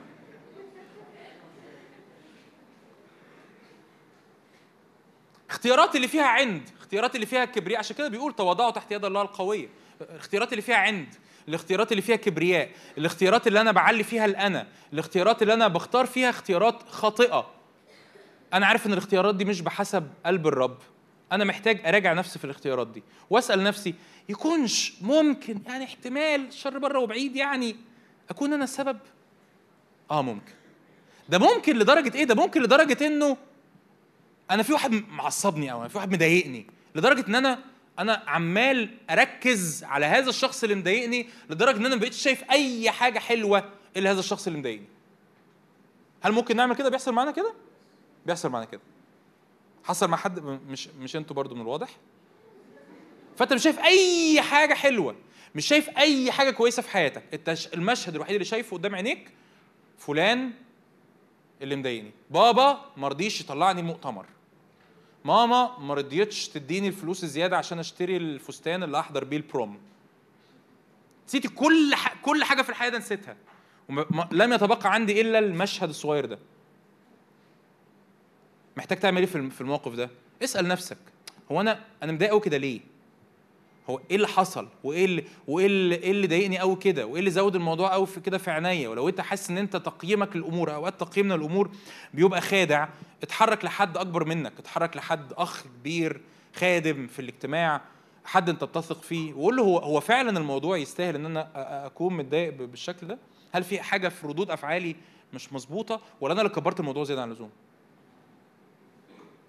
فأول حاجة أديك فرصة لإيه؟ لامتحان النفس اديك فرصة إنك تدوس بوز وتسأل نفسك هو الغلط فين؟ ممكن يكون الغلط فيا ممكن. ممكن يعني تقول لي دايما الغلط فيا أقول لك لا مش دايما الغلط فيك. بس ممكن يكون حتى أنت اشتركت بجزء يعني وكأن في مشكلة بس المشكلة دي زي ما قلنا زي ما داود عمل بسبب رد فعل معين مشكلة حصل فيها إيه؟ زادت. فأنت حتى ما بقتش قادر تحتمل اللي أنت كنت قادر تحتمله قبل كده. ال ال الحاجة الثانية اديه فرصة اديه فرصة لنمو الصبر والحكمة. اديه فرصة لنمو الصبر والحكمة. في حاجات. هتقول هتقولي لا أنا كان نفسي تقول لي إن اديه فرصة إن ربنا يتدخل ويعمل معجزة. يعني أمين مش ده اللي بتكلم عنه. أنا بتكلم إنه في حاجات حضرتك هتدخل فيها والحاجات دي هتطول. الحاجات دي إيه؟ أنا عارف انه أنا عارف إن الوعظة مش مشجعة بس أتمنى هي تكون مشجعة يعني. الحاجات دي إيه؟ هتطول. بايخة. شخص مضايقك. دكتور ظالم. مدير مش مديك حقك. أهلي في البيت وأنا لسه بتعلم وهم لسه بيصرفوا عليا وحاسس إنه الدنيا ما بتخلصش وفي مشاكل ما بتخلصش وأنا قاعد في البيت. طب أعمل إيه؟ عندي حل من اتنين. يعمل رد فعل نفسي. يعمل رد فعل يزود الطينة بلة يبتدي أفكر هو ده اللي أنا بتكلم عنه أنا هقعد اعيد وازيد هو ده اللي بتكلم عنه. يبتدي أفكر في الوقت الصعب ده بطريقة إيه؟ مختلف واسأل نفسي هو إيه اللي أنا ممكن اتعلمه في الوقت ده؟ فيقول كده رسول يعقوب احسبوه كل فرح يا اخوتي حينما تقعون في تجارب إيه؟ ليه يا عم يعقوب نفرح قوي كده يعني لما نقع في تجارب متنوعة؟ هل مثلا لأن الواحد بيحب الضيقات لا ما حدش بيحب الضيقات حد هنا بيحب الضيقات اوعى ترفع إيدك ما ما هنوديك للدكتور على طول. ما حدش بيحب الوقت ما حدش بيحب الوقت الصعب. ما حدش بيحب الوقت الصعب. يعني مش بوعظك بالكلام ده عشان الله بحب قوي الأوقات الصعبة. ما حدش بيحب الأوقات الصعبة. ما حدش بيحب الضيقات. طب ليه نفرح؟ آه أصل أصل ممكن. عالمين أن امتحان إيمانكم ينشئ إيه؟ صبر. أما الصبر فليكن له عمل إيه؟ تام. فينفع ال الوقت الصعب يطلع مني إن كان أحد عدد خمسة تعوزه حكمة. فحضرتك ينفع الوقت الصعب ده يطلع منك نوعية تفكير مختلفة ونوعية طلبات مختلفة. إنه يا رب أنا دلوقتي بتعامل مع أمر واقع. بتعامل مع fact إيه هي ال fact أنا في شغل مديري ظالم. بقى بعمل interview هات وبقدم CV هات ما ما بتقبلش. وأنا محتاج الفلوس لأن أنا بصرف على نفسي أو داخل على جواز أو داخل على كذا أو عندي أقساط. أنا عندي حل من اتنين. يا روح كل يوم الشغل الصبح متكدر وعمال الطم واقول آه ياني واشتكي للي, للي يعرف واللي ما يعرفش واحكي كل قصتي للناس. يا اما ابتدي ابص ابص الموضوع بطريقة مختلفة. يا رب هو ينفع الوقت الصعب ده يطلع منه حاجة كويسة؟ رب يقول لي آه. إيه يا رب يطلع منه إيه؟ عضلات. انك تتعلم حاجة اسمها الصبر ان مش كل حاجة بتخلص كده اهو. مش كل حاجة بتخلص في صلوة. طب طب أنا صليت ما يمكن ما عنديش إيمان. طب روح الخادم يصلي لي. هتروح للخادم الغلبان؟ يعني غالبا هيطلب لك حكمة. يعني يا رب حكمة يا رب عشان يتصرف مع مديره الظالم. إيه ده؟ أنا كنت فاكرك إنك هت هتودي المدير هت... هتنقله حلايب وشلاتين و... وتودينا دبي. يا رب حكمة يا رب. حكمة يا رب عشان عشان يوسف وهو بيتعامل مع فوتيفار يعرف يتعامل صح وينجح. ويوسف لما يتعامل مع مرات فوتيفار ال- اللي عندها شهوة ينجح. ويوسف لما يدخل السجن ينجح. أمين؟ مش قوي بس أمين. يقول كده آه، ممكن أفوت ممكن نقلب؟ واحدة كمان؟ آه ف آه، sorry طب هرجع بس هقرا آية في الرسالة اللي قبلها. يقول إيه الرسول بولس؟ عدد ثلاثة. وليس ذلك فقط بل نفتخر أيضا شكرا شايفين في الضيقات. عالمين أن الضيق ينشئ بص أربع حاجات. الضيق ينشئ صبر. والصبر والتزكية يعني إيه بقى؟ السلايد اللي بعدها؟ يعني إيه؟ حضرتك بتعدي بوقت صعب. الوقت الصعب ده ينفع يبقى أداة في إيدينا الله. إنه يا رب أنا عايز أتعلم حاجة اسمها الإيه؟ المثابرة. إيه هو الصبر؟ الصبر مش اللي هو القعدة كده هو ده ده مش الصبر المسيحي. الصبر هو المثابرة. هو الحالة ان أنا فيها مستمر مع الله. أنا مستمر معاك يا رب.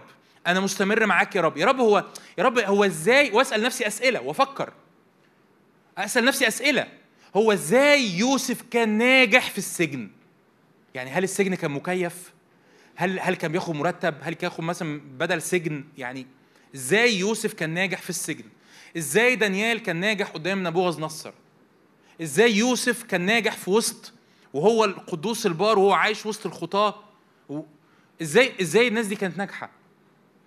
فأنا عمال أعمل إيه؟ أنا في نقاش داخلي ما بيني وما بين الرب إن يا رب أنا مصدق فيك ومكمل معاك. أنا ده الصبر ها؟ أنا كل ده في الصبر. أنا مصدق فيك وايه ومكمل معاك. أنا مصدق فيك ومكمل معاك. أنا مصدق فيك ومكمل معاك. أنا مصدق فيك ومكمل معاك. هوب مرة واحدة ألاقي إنه مديري اللي كان تعبني ما بقاش تعبني. هو ده بينفع يحصل؟ صدقني آه. أبويا اللي كان مضايقني ما بقاش مضايقني. أنا بقيت. أنا بقيت بتشفع له. أنا بقيت بصلي له. إيه اللي حصل؟ الصبر ينشئ إيه؟ ترقية تزكية. الصبر طلع مني حاجة خلاني وأنا بتعامل في نفس الموقف في نفس الظرف خلاني أنا ما بقتش أنا. جون القديم اللي كان بيتجرح لما واحد يقول له ما يسلمش عليه في الاجتماع. ده بقى يدخل الاجتماع هو اللي يبادر يسلم على الناس. إيه اللي حصل فيه كده؟ اصله اتجرح مرة ولما اتجرح جري على الرب. وقال له يا رب إيه؟ أنت إزاي؟ أنت كنت ناجح. فأنا مصدق إن أنا ينفع أبقى ناجح. وجرح مرة تانية. طب الجرح؟ بسبب الناس اللي حواليه ممكن يكون فعلا الناس اللي حواليه وحشين ما بيحبوش ما بيكرموش. جرح المرة الثانية وجري على الرب قال له يا رب أنت إزاي على الصليب؟ قلت قلت له اغفر لهم لأنهم لا يعلمون ماذا إيه؟ يفعلون. ويجرح المرة الثالثه ويجرح المرة الرابعة ويجرح المرة الخامسة. مرة واحدة جون يدخل الاجتماع يلاقي فلان اللي ما كانش بيسلم عليه ده هو اللي سلم عليه يقول له إزيك؟ أنا مبسوط قوي شفتك النهارده. فالصبر طلع إيه؟ طلع إيه؟ أنت ما بقتش أنت. أنت ما بقتش أنت. والترقية يقول لك كده والتزكية رجاء. رجاء لإيه؟ إنه الرب اللي عداني في الضيقات دي وطلع مني صبر وبعد كده الصبر طلع مني ترقية أنا بكرة أنا بكرة لما أعدي في ضيق تاني أنا هعمل إيه؟ هنتصر هعدي. ليه؟ لأن أنا عديت قبل كده. فالضيق ينشئ إيه؟ الضيق ينشئ إيه؟ والصبر إيه؟ والتزكية إيه؟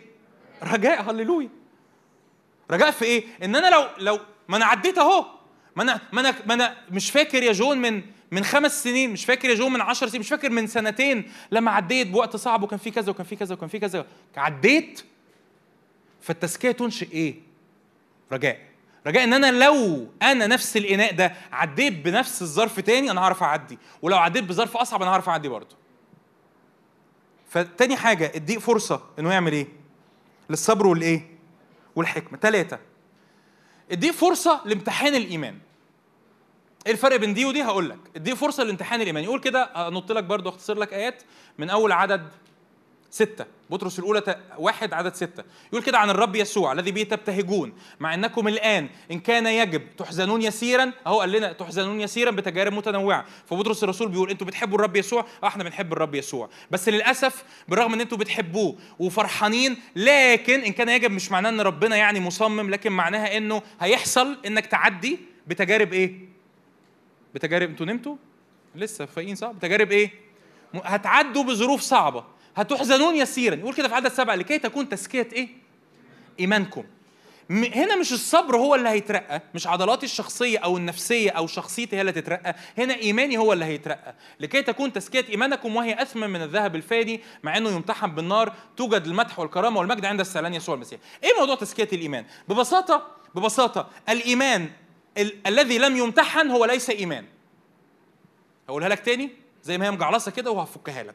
الإيمان الذي لم يمتحن ليس يعني إيه؟ يعني حضرتك بتقول أنا عندي أنا عندي إيمان إن الرب يقدر آآ آآ لو أنا آآ آآ دخلت في أوقات صعبة وسمعت ترنيمة الأخ ماهر فايز وهعدي وهعدي وأما يعني سمعت ترنيمة مرة يعني مش فاكر الكلام ولو في وقت الصعب هعدي وبتاع ورنمتها وكده وكنت أه أه وبعد كده تروح البيت. ماما تقول لك هو أنت ليه ما جبتش الجبنة الرومي وأنت طالع؟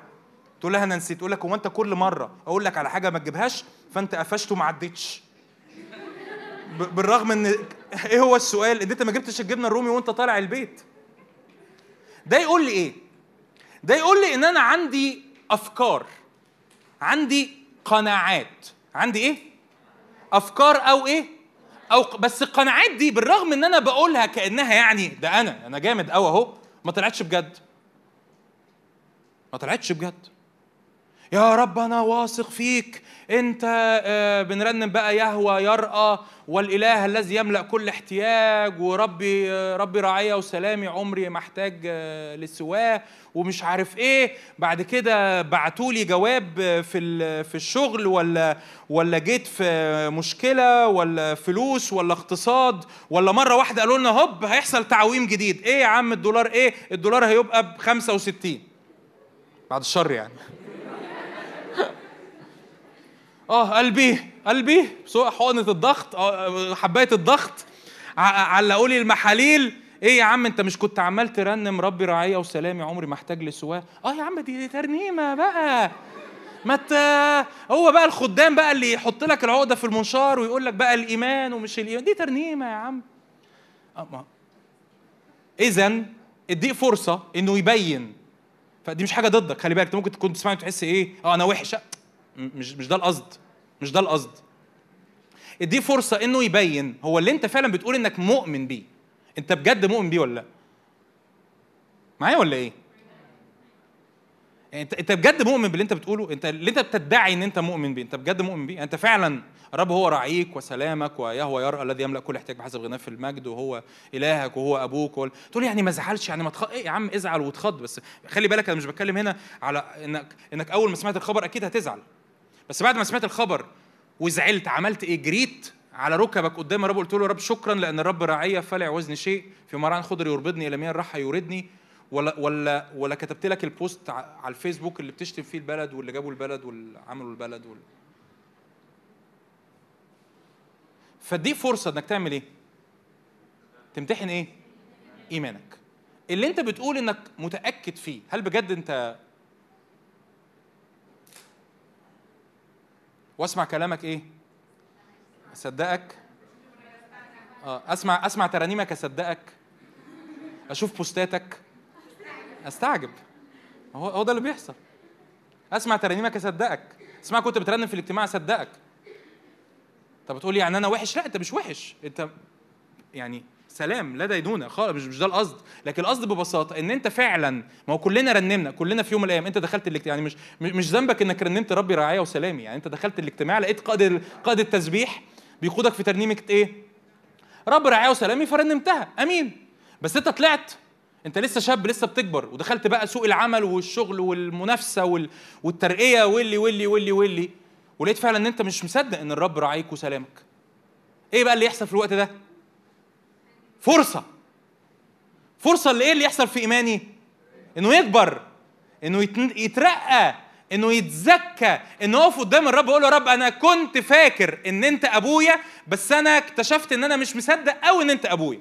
أنا كنت فاكر إن أنا واثق فيك بس أنا طلعت بصراحة مش واثق فيك قوي أنا كنت فاكر إن اتكالي من أجله ألقي تبري على تراب الأودية فهو قد سرى فأنا كنت فاكر إن أنا ينفع ألقي التراب على تراب الأودية بس اكتشفت إنه لما جيت لما جيت ألقي الإنستجرام على تراب الأودية مش الذهب ما قدرتش. فأعمل إيه بقى في إيماني؟ أقف قدام الرب وأقول له يا رب دي فرصة إن الضيق ده بين لي حقيقتي. ده بيحصل مع مين يا جماعة؟ مع الوحشين. ده بيحصل مع مين؟ ده معانا كلنا. معانا كلنا. كلنا بنقول يعقوب حتى يقول آية جميلة قوي قوي في يعقوب اتنين يقول أنت تقول أن لك إيمان. أنت تقول أن لك إيمان. دي آية جميلة جدا بحبها قوي الآية دي. كلنا بنقول أن لنا إيمان. كلنا بنقول إن إحنا واثقين في ربنا ومصدقين في ربنا ومصدقين في الوعود ومصدقين في الكتاب المقدس و مش عارف إيه. يجي موقف صعب. هيطلع فيك حاجة عكس اللي أنت إيه؟ تعمل إيه بقى في الوقت ده؟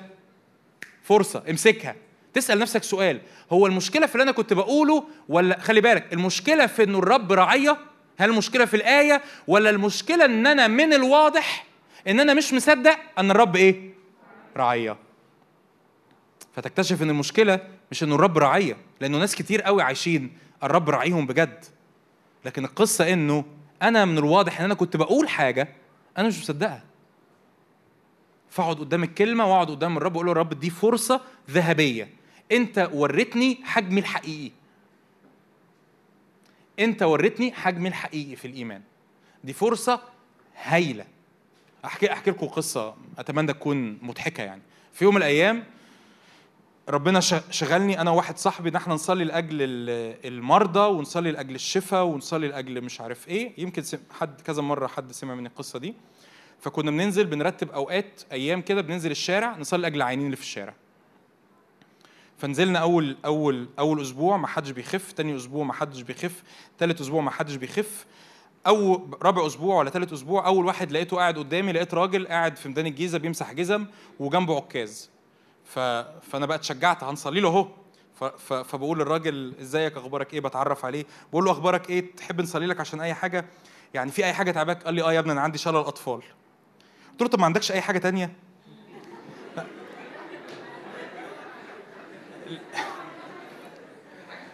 آه بالظبط بالظبط. حاجة حاجة لا نشكر ربنا طلع ظهره وجعه وصلينا له عشان ظهره اللي وجعه بس دي قصة القصة دي بتبين إن أنا بقول إن أنا عندي إيمان في حاجة بس أول ما قابلت كيس بال- بالشكل ده أنا ما اتجرأتش أصلي له.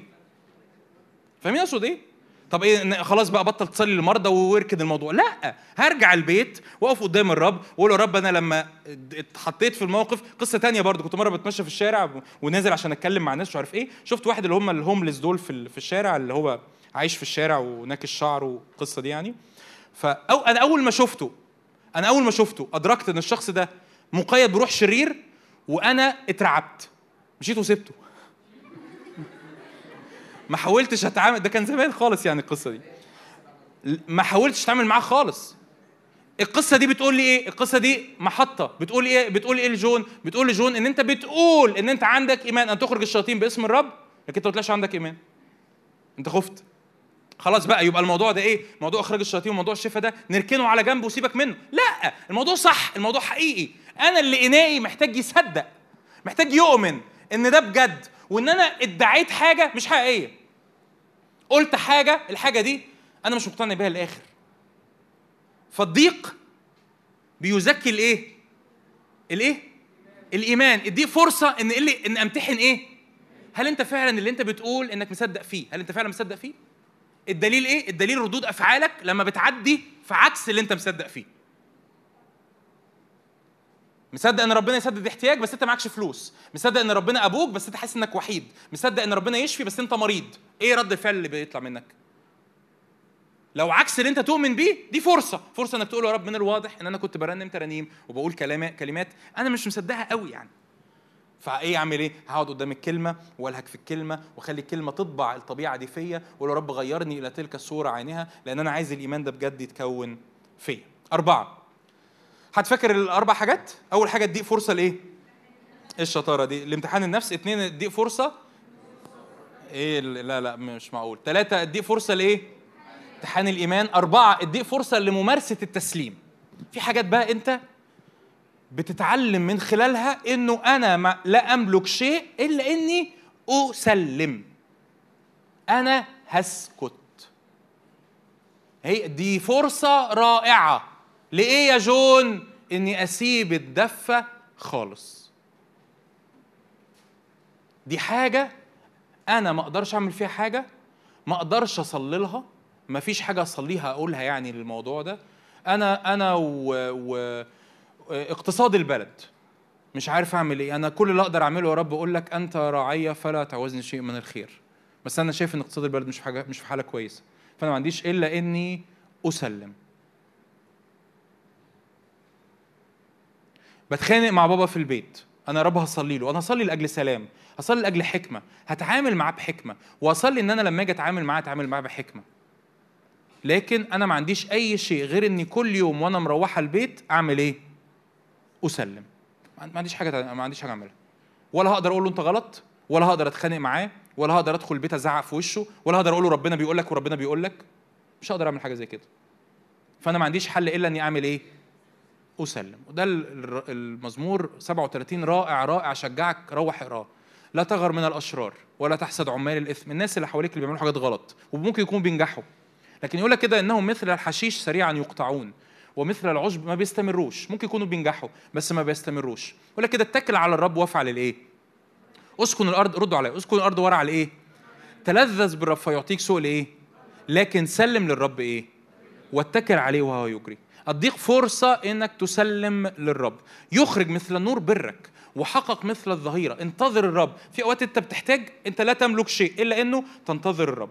وتسلم وتقول يا رب اتدفى في إيدك يا رب أنا مش عارف اعمل إيه يا رب في الامر ده أنا مش عارف اعمل إيه في الامر ده أنا مش عارف اعمل إيه مش عارف اتصرف إزاي. ياما ياما حاجات لو يعني مش هقدر احكي يعني حاجات كتير في التفاصيل بس ياما حاجات يعني مثلا ابقى في مشكلة مع مراتي وحاجة الحاجة دي مستمرة ربنا يقول لي ما تتكلمش أنا وهي برضو يعني مش تفتكر إن وهي برضو ربنا يقول لها ما تتكلميش.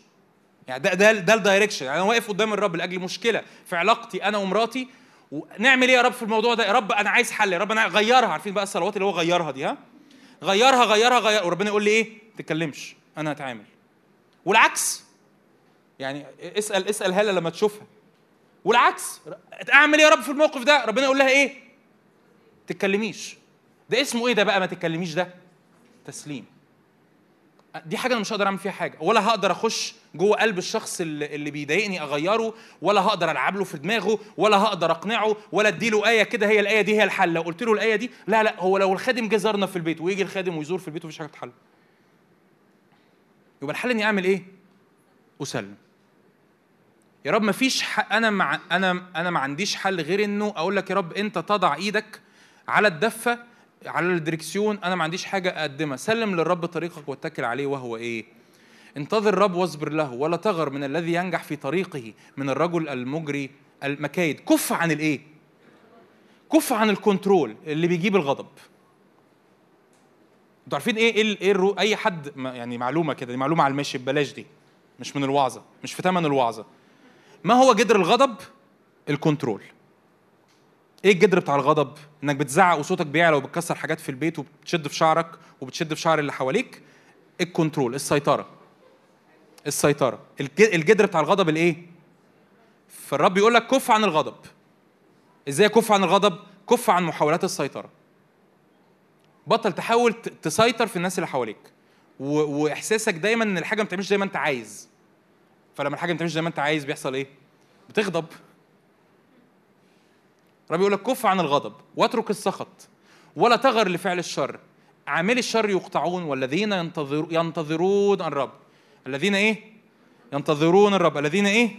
ينتظرون الرب. هم يرثون الأرض. خمسة وأخيرا خمسة وأخيرا من الفرص المتاحة لينا في أزمنة الضيق. خمسة وأخيرا من الفرص المتاحة لينا في أزمنة الضيق. الضيق فرصة لاختبار عمل الرب في حياتي. نحن نعلم أن كل الأشياء. تعمل مع الخير. الذين يحبون الله. الذين هم مدعون إيه؟ لأن الذين سبق فعرفهم سبق فإيه؟ عشان يكونوا مشابهين. يا رب أنا أثق. أنت واثق في إيه يا جون؟ أنا واثق يا رب إن حتى لو الأمر ده أنا امتحنت نفسي ولقيت إن أنا أنا ما عملتش حاجة غلط في الأمر. ما اتصرفتش غلط. والأمر براي خالص. ذنبي إيه أنا؟ عملت إيه أنا غلط عشان أدخل المحاضرة في ميعادي وملتزم وشاطر ومن الأوائل والدكتور يدخل يسقط الدفعة؟ ما عملتش حاجة. عملت إيه كمان؟ أنا يا رب استغليت هذا الضيق إنه يطلع فيا صبر.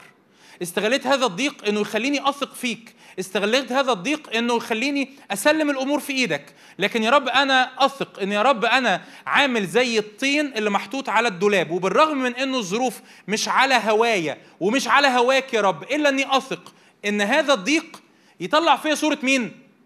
يسوع. أنا أثق إن إيدك تستخدم الضيق. أنا بقول لك تاني مين اللي بعت الضيق؟ مش الرب. لكن إيد الرب تعمل إيه؟ تستخدم الضيق. إيد الرب تعمل إيه؟ تستخدم الضيق. وتحوله لخيري. ما هو خيري؟ عشان بس الآية دي كتير بتترجم غلط. ما هو خيري؟ أن أكون مشابه ليسوع. خيري مش معناها إن كل مشاكلك هتتحل. مش ده. مش ده معنى الآية. الآية ما بتتكلمش عن كده. ما هو خيري؟ أن أكون شبه يسوع. اللي اتعلم بالرغم من تعلم الكتاب بيقول كده تعلم طعم مما تألم به. إنه بالرغم من من الظروف الصعبة والتحديات والمشاكل والضيقات و و و و إلا إنه منور مليان بر يخرج مثل نور برك وحقق مثل الظهير. إزاي أنتصر في وقت الضيق؟ أركز على إيه؟ فأنا كده اتكلمت عن خمس فرص في الضيق. أنا ممكن ناخد ال- ال slide اللي بعدها؟ أيوه. okay. إيه القصة اللي قب- اللي قبلها؟ إيه اللي- إيه حصل في الآيات عشان ما أطولش عليك؟ عشان عايز عايزين نقضي وقت في الصلاة. اللي حصل ببساطة إن بولس مسجون. بولس مسجون ليه؟ لأجل الإنجيل. بولس مسجون ليه؟ لأجل الإيه؟ الإنجيل. وبولس لأنه مسجون لأجل الإنجيل ال- ال- ال- ال- ال- اللي ساجنينه يعني اللي هم الرومان هينقلوه روما. هينقلوه روما في سفينة. بولس ما هو موضعه؟ مسجون سجين. يعني هل هو يملك قراره ولا لأ؟ فممكن زي زي أغلب هنا زي أغلب الناس هنا. زي أغلب الناس هنا لو أنت بتتكلم إن أنا لا أملك قراري في البيت. ما ما أقدرش مثلا أقول لبابا أنا عايز مصروف كذا أو ما أقدرش أقول لماما أنا عايز أدخل الكلية دي ولا أنا عاي... مش أنا اللي بتحكم في أموري في البيت. أو أنت حضرتك موظف في الشغل. ففي هنا قرارات القصة دي ليه رائعة؟ يعني اقراها وتشجع. لأن القصة دي رائعة. ليه رائعة؟ لأن بولس لا يملك قراره. أحد الكتب الرائعة كتاب يقودوني تعبونا دانيال من أروع كتب اللي قريتها زمان خالص بيتكلم إنه إزاي في فرق ما بين الضيقات اللي بتدخلها وإنت بتملك قرارك وفي ضيقات تانية إنت بتدخلها وإنت لا تملك إيه؟ إنت إنت مش مش يعني يعني مفيش حاجة إنت تعملها تقدر تعملها تغير الموقف. ال- القصة دي قصة قوية جدا في الأمر ده إن مفيش حاجة هنا بولس يقدر يعملها يغير الموقف. بولس عنده كلمة من الرب واضحة إنه بلاش تسافروا دلوقتي. فبولس إيه؟ معلش عشان اللي ما يعرفش القصة. بولس إيه؟ حالته مسجون. مسافر فين؟ مسافر روما. آه راكب إيه يعني؟ سفينة. راكب راكب سفينة. بولس عنده كلمة من الرب إن هم يسافروا ولا ما يسافروش؟ ما يسافروش. إيه القرار النهائي؟ هيسافروا. وعاصفة. ومية بتدخل السفينة وبتكسر السفينة والناس بتغرق وصايمين 14 يوم محدش بياكل وبولس لا يملك قراره. بولس لا يملك قراره. بولس لا يملك قراره. بولس ما فيش في ايده حاجة يعملها يغير موقف. ولا هو قائد السفينة ولا هو ضابط من من الضباط ولا ما قدرش يعمل حاجة. تمام؟ يقول بقى أنا معلش سوري أنا آسف نرجع للسلايد اللي قبلها. هقرأ بس آية. عدد 24 أو عدد 23 بولس يتحرك للناس المساجين اللي معاه. يتحرك لمين؟ والظباط وقائد المئة وقائد السفينة. يقول لهم إيه؟ يقول لهم على فكرة السفينة دي هتنقذ. أنت مين أنت؟ مين أنت؟ أنت تسوى إيه أنت في السفينة؟ أنت مجرد واحد مسجون. مجرد واحد مسجون. أنت تسوى إيه أنت في السفينة عشان تقول إيه اللي هيحصل وإيه اللي ما يحصلش؟ لا أنا مش مجرد واحد مسجون أنا ابن الله. ده لازم يبقى اتيتيودك في في الضيق أنا مش مجرد واحد بيعدي بظروف صعبة. أنت ممكن يكون تخيلك أنا مجرد بني آدم عادي. لا أنت مش بني آدم عادي بيعدي بظروف صعبة. أنت ابن الله. أنت بنت الله.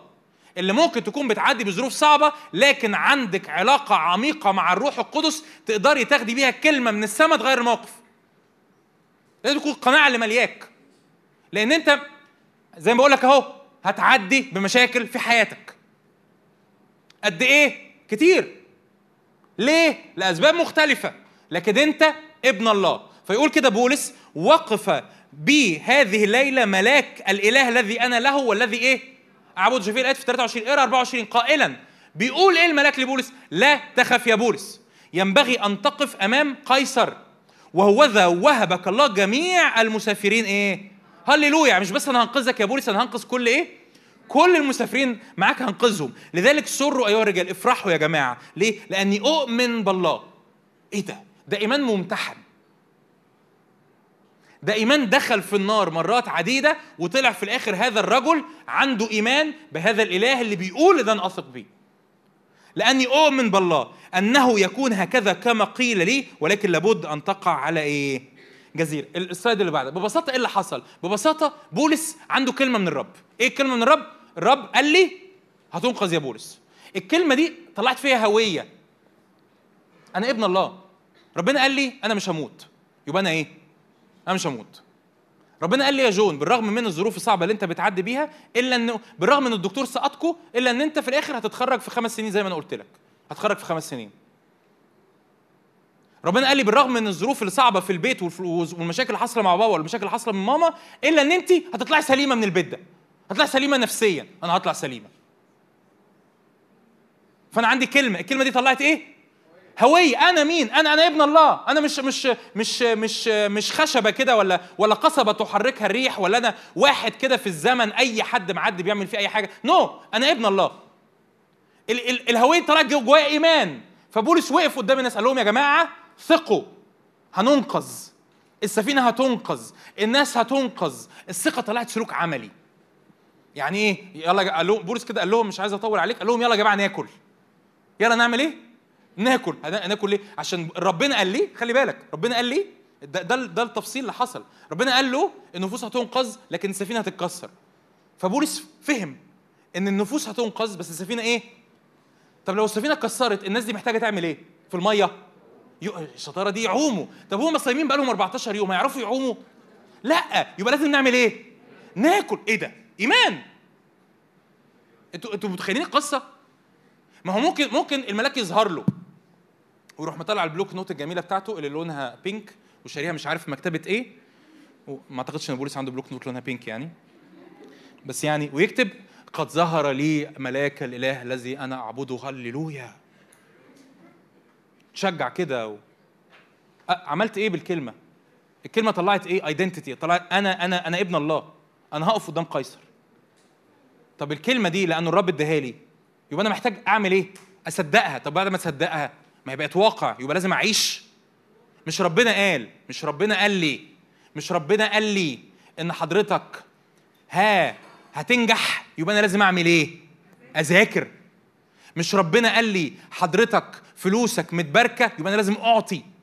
مش حضرتك ربنا قال لك إن أنت هتطلع من البيت ده سليم يبقى أنا لازم أصلي لأبويا وأمي إن هم يقبلوا الرب ويعرفوا الرب. مش أنا ربنا قال لي إن حضرتك نفسيتك هتبقى مشفيه يبقى أنا لازم امشي أمشي سكة شفاء نفس. مش ربنا قال لي إن السفينة هتنقذ إن إن الناس هينقذوا بس السفينة هتتكسر يبقى الناس دول لازم ياكلوا. ليه؟ عشان هيعوبوا. الله أنت الم... أنتوا شايفين عمل إيه؟ اخد كلمة الكلمة بنت خطوات. معايا ولا إيه؟ الكلمة بنت قرار. يا جماعة هو الكلام ده كله جابه منين؟ يعني يعني هي هي السفينة اتكسرت؟ مفيش حاجة حصلت. الناس اللي معاه في في المساجين المساجين ممكن يقولوا يعني ناكل ولا ما ناكلش هتفرق في إيه؟ بولس بولس عنده سلطان. بولس فاهم هو بيتكلم بيتكلم الكلام خارج من فين. فلما بيقول الكلام الناس بتصدقه. لهم يا جماعة انذركم أن تصروا. يلا ناكل. ليه ناكل؟ عشان لما السفينة تتكسر وتنطوا في المية تعرفوا تعوموا. تخيلوا الناس عملوا إيه؟ أكلوا أكلوا. مكتوب كده إنه الآيات اللي بعدها أخذ بولس خبزا وكسر ووزع على المساجين وأكلوا. أكلوا ليه؟ عشان هيعوموا لأنه في كلمة السلوك العملي يطلع فيك ثبات. يطلع فيك عكس ال- الضحية. أنت كنت ضحية. ضحية لإيه؟ ضحية لمديري ال- الظالم. ربنا قال لي أنا بحب مديرك. وأنت ابني. إيه ربنا بيحب المدير الظالم؟ آه. لو دي مفاجأة بالنسبة لك فحب أقول لك إن ربنا بيحبه. أنا بحب مديرك وأنت ابني. ده يطلع فيك هوية إن أنا ابن ابن الله. الهوية دي تطلع فيها إيمان إن الله بيحب هذا المدير الظالم وأنا ابنه. أنا أعرفه أنا رايح السماء. لو عشت بص أنا عايز أقول لك لو عشت حياة ال 80 سنة من حياتي كلهم مظلوم أنا رايح السماء وهذا الشخص رايح الجحيم. الهوية تطلع مني إيه؟ إيمان. إن أنا اللي مؤثر وهو غلبان. أنا مش ضحية هو اللي ضحية. آه لو دي نورت. مش أنا اللي ضحية هو اللي ضحية. هو ضحية لإبليس ضحية للكذب ضحية للعالم. أنا مش ضحية أنا ابن الله. لأن أنا مؤمن إن أنا ابن الله ابتديت أصلي له. كل يوم أروح الشغل أنا بصلي له. كل يوم ادخل عنده المكتب اطلع قرفان من الكلام اللي بيقوله اصلي له. كل يوم اتعامل معاه ويظلمني اصلي له. طلع مني سلوك عملي. السلوك العملي ده يطلع مني إيه؟ ثبات. يطلع مني واحد بيعرف يصلي لأعدائه. الضيق بيعمل فينا كده. أو الرب في وسط الضيق بيعمل فينا كده مش الضيق لوحده. الرب يستخدم الضيق إنه يعمل فينا كده. مين يقول أمين؟ أمين. عايز أختم معاك بالمزمور الرائع ده مزمور 118 تعالوا نقف مع بعض وإحنا بنص... بن... بنعلن هذا المزمور. ممكن الورشب تيم يبتدي يطلع. بس عايزين قبل قبل المزيكا عايزين نع- نعبد الرب بهذا المزمور. بهدوء كده وإنت واقف. هن- هنعبد الرب بهذا المزمور. هللويا هللويا. أشجعك لما المزمور كله رائع. بس أنا طبعا قلت بلاش أطول عليك ونقرأ المزمور كله فلما تروح البيت اقرأ المزمور كله. تعالوا نعلنه مع بعض بصوت واحد. احمدوا الرب لأنه صالح لأن إلى الأبد رحمته. ليقل إسرائيل إن إلى الأبد رحمته. ليقل بيت هارون إن إلى الأبد رحمته. ليقل متقوا الرب إن إلى الأبد رحمته. من الضيق دعوت الرب فأجابني من الرحمة. أنت ثواني. أنت بتدي بتنادي على الرب من حتة ضيقة. أنت بتنادي على الرب. من حتة أنت فيها حاسة إن أنت الحياة كلها تتلخص في المشكلة دي. ربنا يقول لك حبيبي الحياة أكبر بكتير قوي من المشكلة دي. من الضيق دعوت الرب فأجابني من فين؟ من الحتة الواسعة. يقول لي اخرج إنت إيه اللي إيه اللي, إيه مقعدك في الأوضة الصغيرة دي؟ ما تطلع لي كده الدنيا واسعة.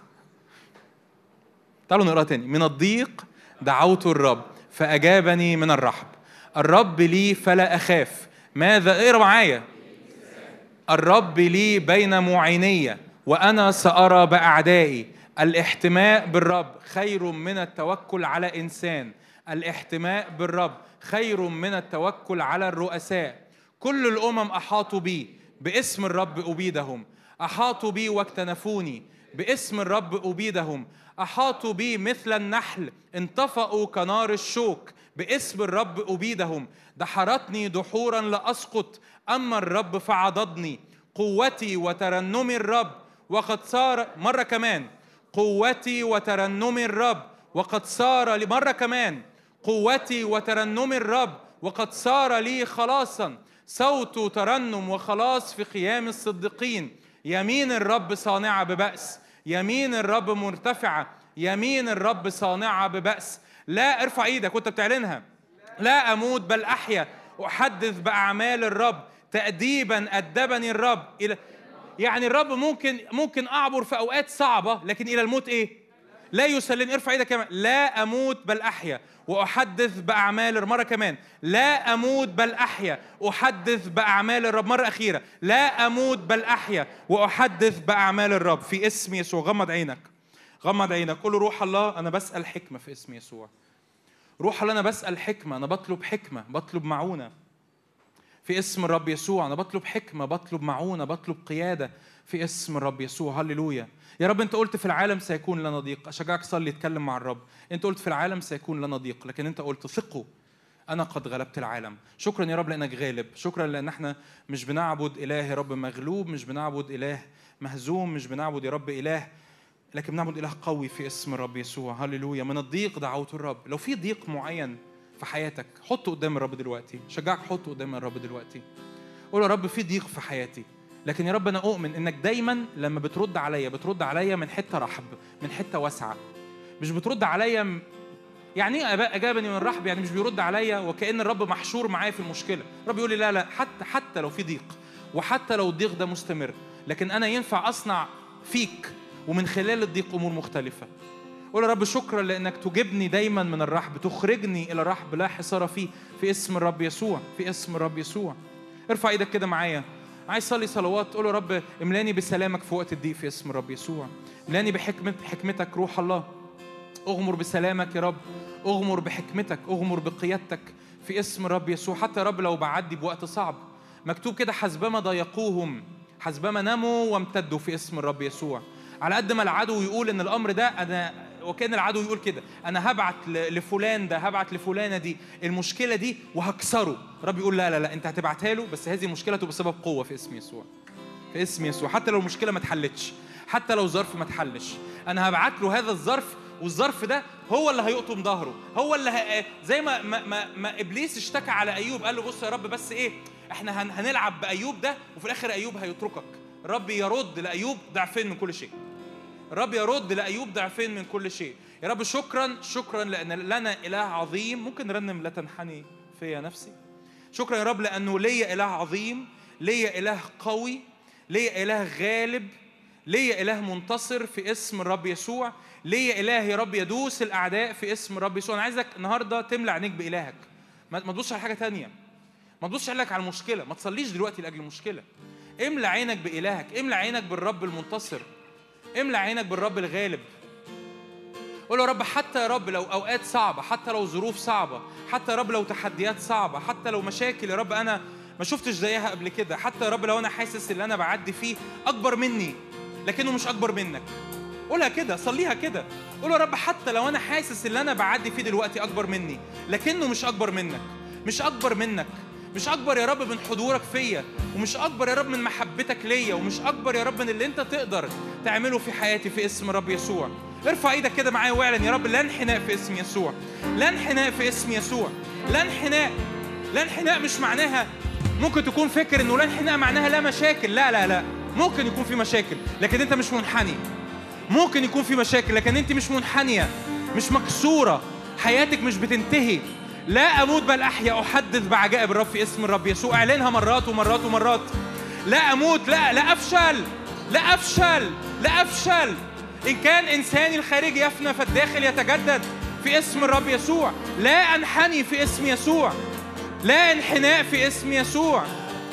اسم يسوع. هللويا. بل انظري هنا تراجي خلاص إلهك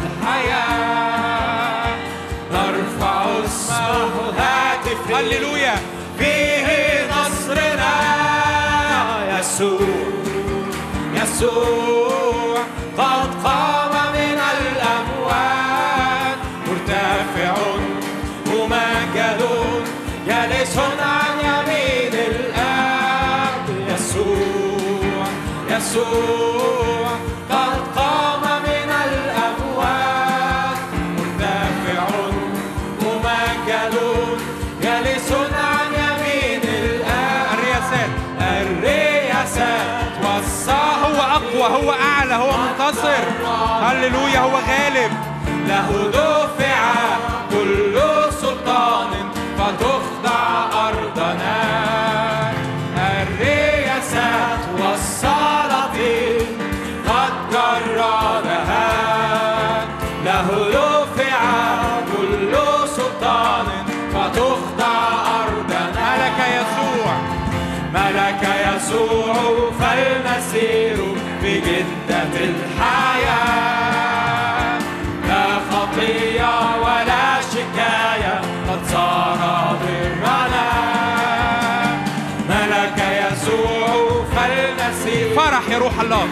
اطلق أفراح في اسم يسوع. قوة فرح. نعم. هللويا. هللويا. فرح الرب هو قوتك. هللويا. يسوع. يسوع. قد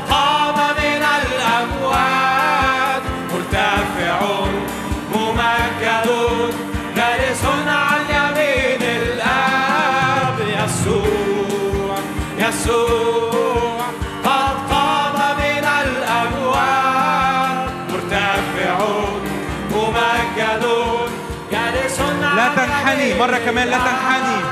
لا تنحني فيا يا نفسي لا تئني داخلي. بل انظري هنا تركي نعم نعم أرجوه. هللويا.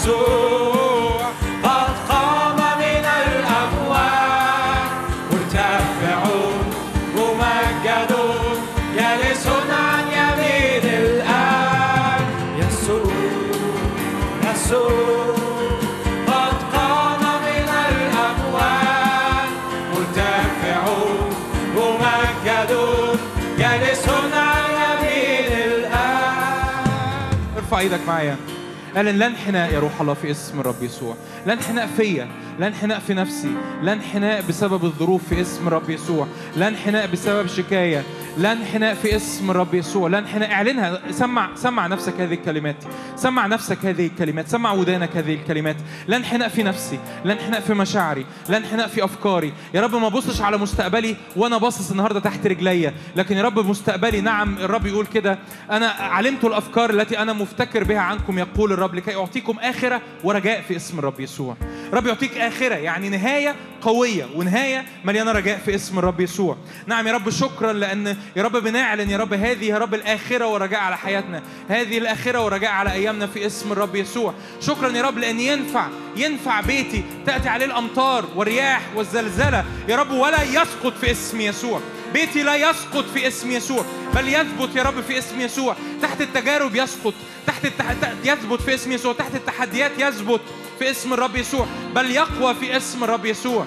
هللويا هللويا هللويا هللويا هللويا مجدك يا رب يغطينا مجدك يا رب يغطينا. قول يا رب بعلن يا رب غطاء حكمتك. ارفع إيدك كده واعلن يا رب غطاء حكمتك على حياتي. غطاء يا رب سلامك على حياتي. غطاء يا رب أفكارك المقدسة على حياتي في اسم الرب يسوع. يا رب ما يخرجش مني ردود فعل جسدية ما يخرجش مني ردود فعل نفسية ما يخرجش مني أف... ردود فعل يا رب تبعدني عنك. لكن يا رب دايما أختار يا رب زي ما بولس يا رب أعلن كده كلمتك أعلن يا رب إيمانك أعلن هويتك يا رب في وسط السفينة في اسم الرب يسوع. هللويا هللويا هللويا يجعلك الرب إلهك رأسا لا ذنبا في اسم الرب يسوع. يجعلك الرب إلهك رأسا لا ذنبا في اسم الرب يسوع. فيحاربونك ولا يقدرون عليك في اسم الرب يسوع. وفي طريق واحد يأتي العدو عليك. وفي سبع طرق يهرب منك في اسم الرب يسوع. فيحاربونك ولا يقدرون عليك في اسم الرب يسوع. هللويا. زي ما بولس قال كده وفي هذه جماعها لو حافظ الآية عليها معايا. وفي هذه جماعها يعظم انتصارنا بالذي أحبنا في اسم الرب يسوع. وفي هذه جماعها يعظم انتصارنا بالذي أحبنا في اسم الرب يسوع. في هذه جماعها يعظم انتصارنا بالذي أحبنا في اسم الرب يسوع. حروب نفسية حروب في البيت مشاكل في العلاقات ضيقات بعدي بيها بسبب اختياراتي أمور أنا باحتكاكات مع ناس محيطين. في هذه جماعة يعظم انتصارنا بالذي أحبنا في اسم الرب يسوع. اسم يسوع.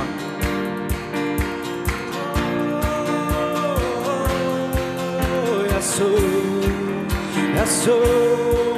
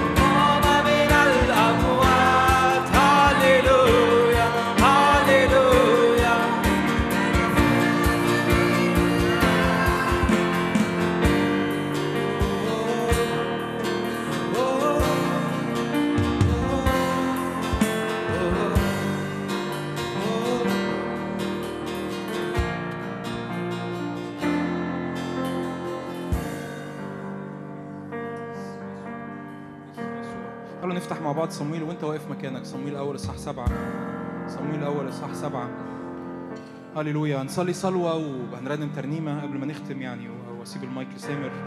صمويل أول سبعة يقول كده شاهد مشهور. هللويا هللويا. الرب عمل الرب عمل أمور عظيمة قوي قوي في وسطنا. أنا شاعر إنه إنه يعني جوايا كده من الحد اللي فات أو يمكن مش فاكر الحد أو الاثنين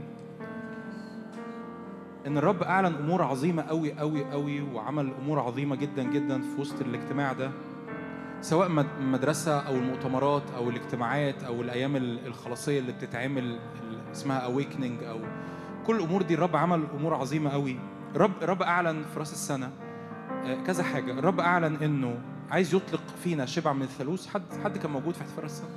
حد فاكر حد كان تابع الرب قال كده عايز يعمل شبع من الثالوث.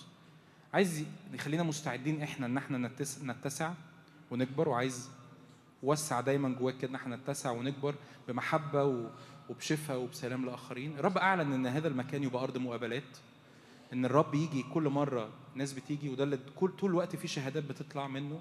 الناس بتيجي ناس كذا حد يجي يقول لي أنا أنا لما مش عارف ببقى عندي قرار ومش عارف أعمل فيه إيه باجي أصلي هنا في الاجتماع.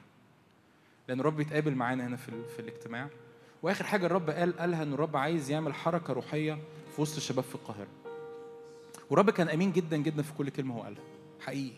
الرب كان أمين جدا جدا في كل كلمة هو قالها. صمويل الأول اصحاح سبعة يكون في حرب حرب ما بين إسرائيل وما بين الفلسطينيين. ويقول كده إن إن بعد ال- الانتصار يجيب صمويل عدد عدد 12 أخذ صمويل حجرا ونصبه بين المصفاة والسن. ودعا اسمه حجر المعونة وقال إلى هنا أعاننا الرب. فذل الفلسطينيين ولم يعودوا بعد للدخول في تخم إسرائيل. وكانت يد الرب على الفلسطينيين كل أيام صمويل. أنا شاعر كده الرب قايدني شارك سامر يعني إن الرب عايز النهاردة نضع حجر معونة. يعني قول كده يا رب نشكرك على كل أمور صنعتها في كل الثمان شهور اللي فاتوا في وسطينا كل مجد كل شفاء كل خلاص كم يعني الخلاص النفوس اللي حصل في اليوم الأخير اللي عملناه الحريه من قيود أرواح شر الشفاءات الجسدية اللي حصلت التلمذة اللي بتحصل وسطينا في مجموعة التلمذة وفي مدرسة ملء الحياة وفي مدرسة أبطال النهضة ال ال وجودكم والنهضة اللي الرب بيطلقها في حياتكم والنار اللي بتشتعلوا بيها محبتنا للكلمة وتبعيتنا للرب الحركة الروحية اللي الرب بيطلقها حقيقي يعني في كذا حاجة في وسطنا في القاهرة كنايس مختلفة في حاجة روحية عموما بتحصل في الشباب في وسط القاهرة ده حقيقي فعلا. ده حقيقي فعلا. ربنا مشرفني إن أنا بتحرك في حتت مختلفة في اجتماعات مختلفة في القاهرة. فأنا في حاجة في فعلا ترددات بتحصل من النهضة. ارفع إيدك كده معايا قول يا رب إحنا بننصب حجر معونة وبنعلن إلى هنا إلى هنا نصرنا الرب في اسم يسوع. علينا كده بإيمان علينا بإيمان. يا رب بنعلن يا رب إلى هنا نصرنا الرب في اسم يسوع. إلى هنا نصرنا الرب في اسم يسوع. فكل حرب بتيجي من العدو كل حرب بتيجي من العدو. يا رب علينا علينا بشكل فردي أو على هذا الاجتماع في اسم الرب يسوع. لا يعود الفلسطينيون يدخلون إلى هذه الأرض في اسم يسوع. لا يعود العدو يدخل الأرض تحت امتلكناها في اسم الرب يسوع. قال كده معايا أنا عايزين نثبت الأمر يعني ما ما تستعجلش. يعني أنا أتخيل إن صمويل ما جابش زلطة صغيرة. لا جاب حجر كبير كده ووقفه. فممكن يكونوا كانوا شايلينه. يعني في حاجة عايزين نثبت حاجة عايزين نثبت حاجة. اعلن كده معايا يا رب شكرا شكرا. لأجل كل شفاء لأجل كل حرية لأجل كل خلاص نفوس لأجل كل ملء بالروح القدس لأجل كل إطلاق في الدعوة لأجل كل تلمذة لأجل كل مؤتمرات لأجل المدرسة لأجل يا رب كل حاجة أنت بتعملها وسطينا. شكرا يا رب لأنك بنعلن يا رب إن الأمور دي يا رب لا يعود يدخل إليها العدو مرة تانية في اسم الرب يسوع. لا يعود يدخل إليها العدو مرة تانية في اسم الرب يسوع. بنعلن كده ارفع إيدك كده بإيمان. يا رب إلى هنا نصرنا الرب في اسم الرب يسوع. إلى هنا نصرنا الرب. إلى هنا نصرنا الرب في اسم يسوع. إلى هنا نصرنا الرب. يا رب بنطلب يا رب مجد أعلى وسلطان أعلى وقوة أعلى في اسم الرب يسوع. هللويا. يا رب حضورك في وسطنا. يا رب مسكن الرب كان مديني الكلمات دي إشاعة 33 يا رب وجودك في وسطنا حضورك في وسطنا مسكن مط- مطمئن خيمة لا تنتقل. يا رب يجي يسكن وسطينا وهذا المسكن يبقى مسكن إيه؟ مطمئن يعني إيه مسكن مطمئن يعني رب مل- مليء بحضوره ومليء بسلامه ومليء بشفائه طول الوقت. آمين؟ آمين؟ قول يا رب نعم حضورك يا رب في وسطنا يكون مسكن مطمئن وخيمة لا تنتقل في اسم الرب يسوع.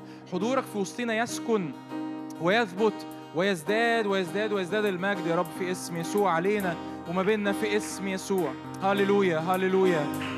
هللويا في اسم يسوع. صدقها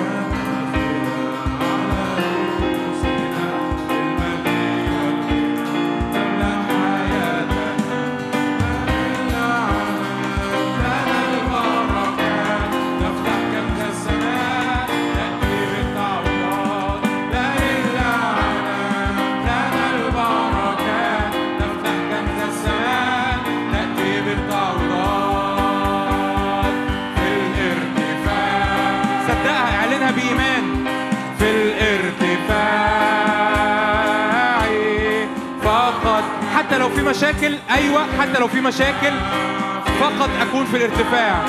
في الارتفاع باسمك نذهب نقوى في كل يوم.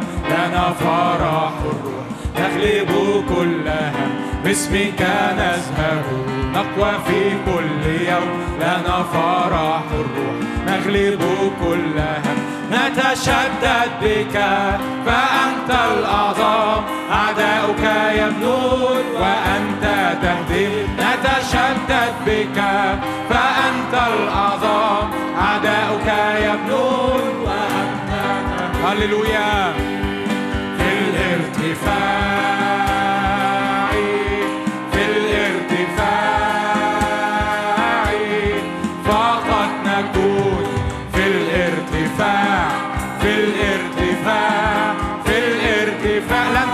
ضدنا لن تنجح ضدنا كل آلات الأعداء.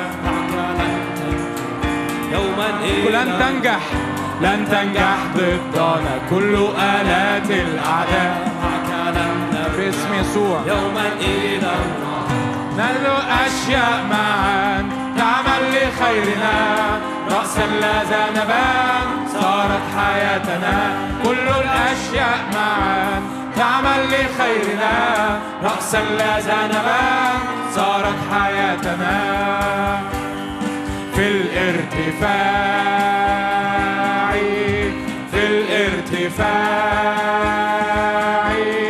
فقط نكون في الارتفاع. مرة كمان لن تنجح ضدنا. في الارتفاع.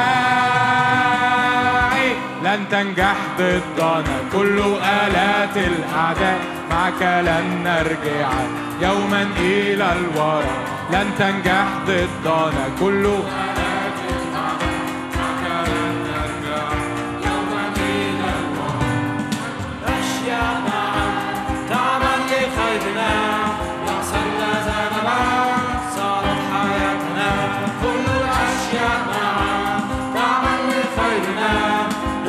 لا ذنبا صارت حياتنا إيدك في الارتفاع في الارتفاع.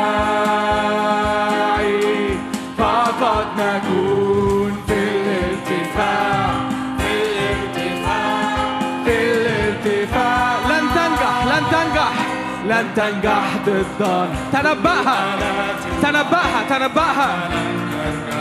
يوما إلى الوراء لن تنجح ضدنا كل آلات الأعداء معك لن تنجح. يوما إلى الوراء كل الأشياء معا. تعمل لخيرنا. رأسا لدى نبات صارت حياتنا. كل الأشياء معا. تعمل لخيرنا. رأسا لدى نبات صارت حياتنا في الارتفاع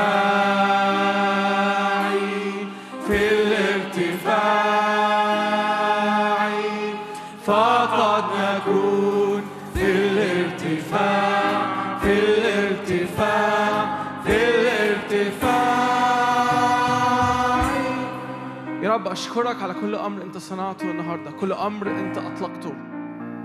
يا رب أشكرك من أجل كل يا رب صنفرة روحية وكل تشكيل داخلي عميق كل رحلة وكل سكة أنت بتفتحها قدامنا أنت بتخرج الذهب اللي فينا. نفسي كده نشكر الرب على اللي بيعمله بجد نفسي نديله سقفة على اللي بيعمله إنه بيطلع الذهب. بص على اللي جنبك كده وبص على الذهب اللي الرب بيعمله بص على حواليك. انظر كده بص بص بص الرب بيطلع جيل الرب بيطلع شعب. هللويا على صورته على شكله. بيتحرك كده بأخلاقه بيتحرك كده بقيمه. هللويا هللويا هللويا هللويا هللويا هللويا. عايز أقول لك إن إبليس مخضوض جدا. عايز أقول لك إن عدو الخير مرعوب مرعوب مرعوب. إنه بجد يجي جيل يصدق ده. بجد يجي جيل يدرك حقيقته وهويته وإدراك لإيمانه القوي بيعمل إيه. هللويا هللويا هللويا هللويا هللويا هللويا هللويا. وإحنا في نهايه الاجتماع كده ارفع إيدك كده قول يا رب أشكرك على كل صلابة كل متانة. هللويا. أشكرك إنك جعلتني صخر. هللويا. أشكرك إنك جعلتني صخر زي يسوع صخر الدهور. خلتني من جوه ومن بره صخر. هللويا هللويا هللويا هللويا ببارك اسمك يا رب ببارك اسمك على كل معجزة على كل تحول على كل تشكيل على كل تغيير انت واخدنا فيه. هللويا ما أمجد اسمك ما أمجد اسمك ما أمجد اسمك أمجد اسمك. بنحبك بنحبك بنحبك. انت عالي ومرتفع في وسطنا. مبارك اسمك. انت غالي قوي علينا يا رب. اللي انت بتعمله غالي غالي غالي. اللي انت بتعمله في وسط شعبك غالي. هللويا هللويا هللويا هللويا. ما أرهب هذا المكان. هللويا. ما أرهب هذا المكان. ما أرهب هذا المكان. بنحبك بنبارك اسمك. أمين أمين أمين أمين أمين. يس يس يس يس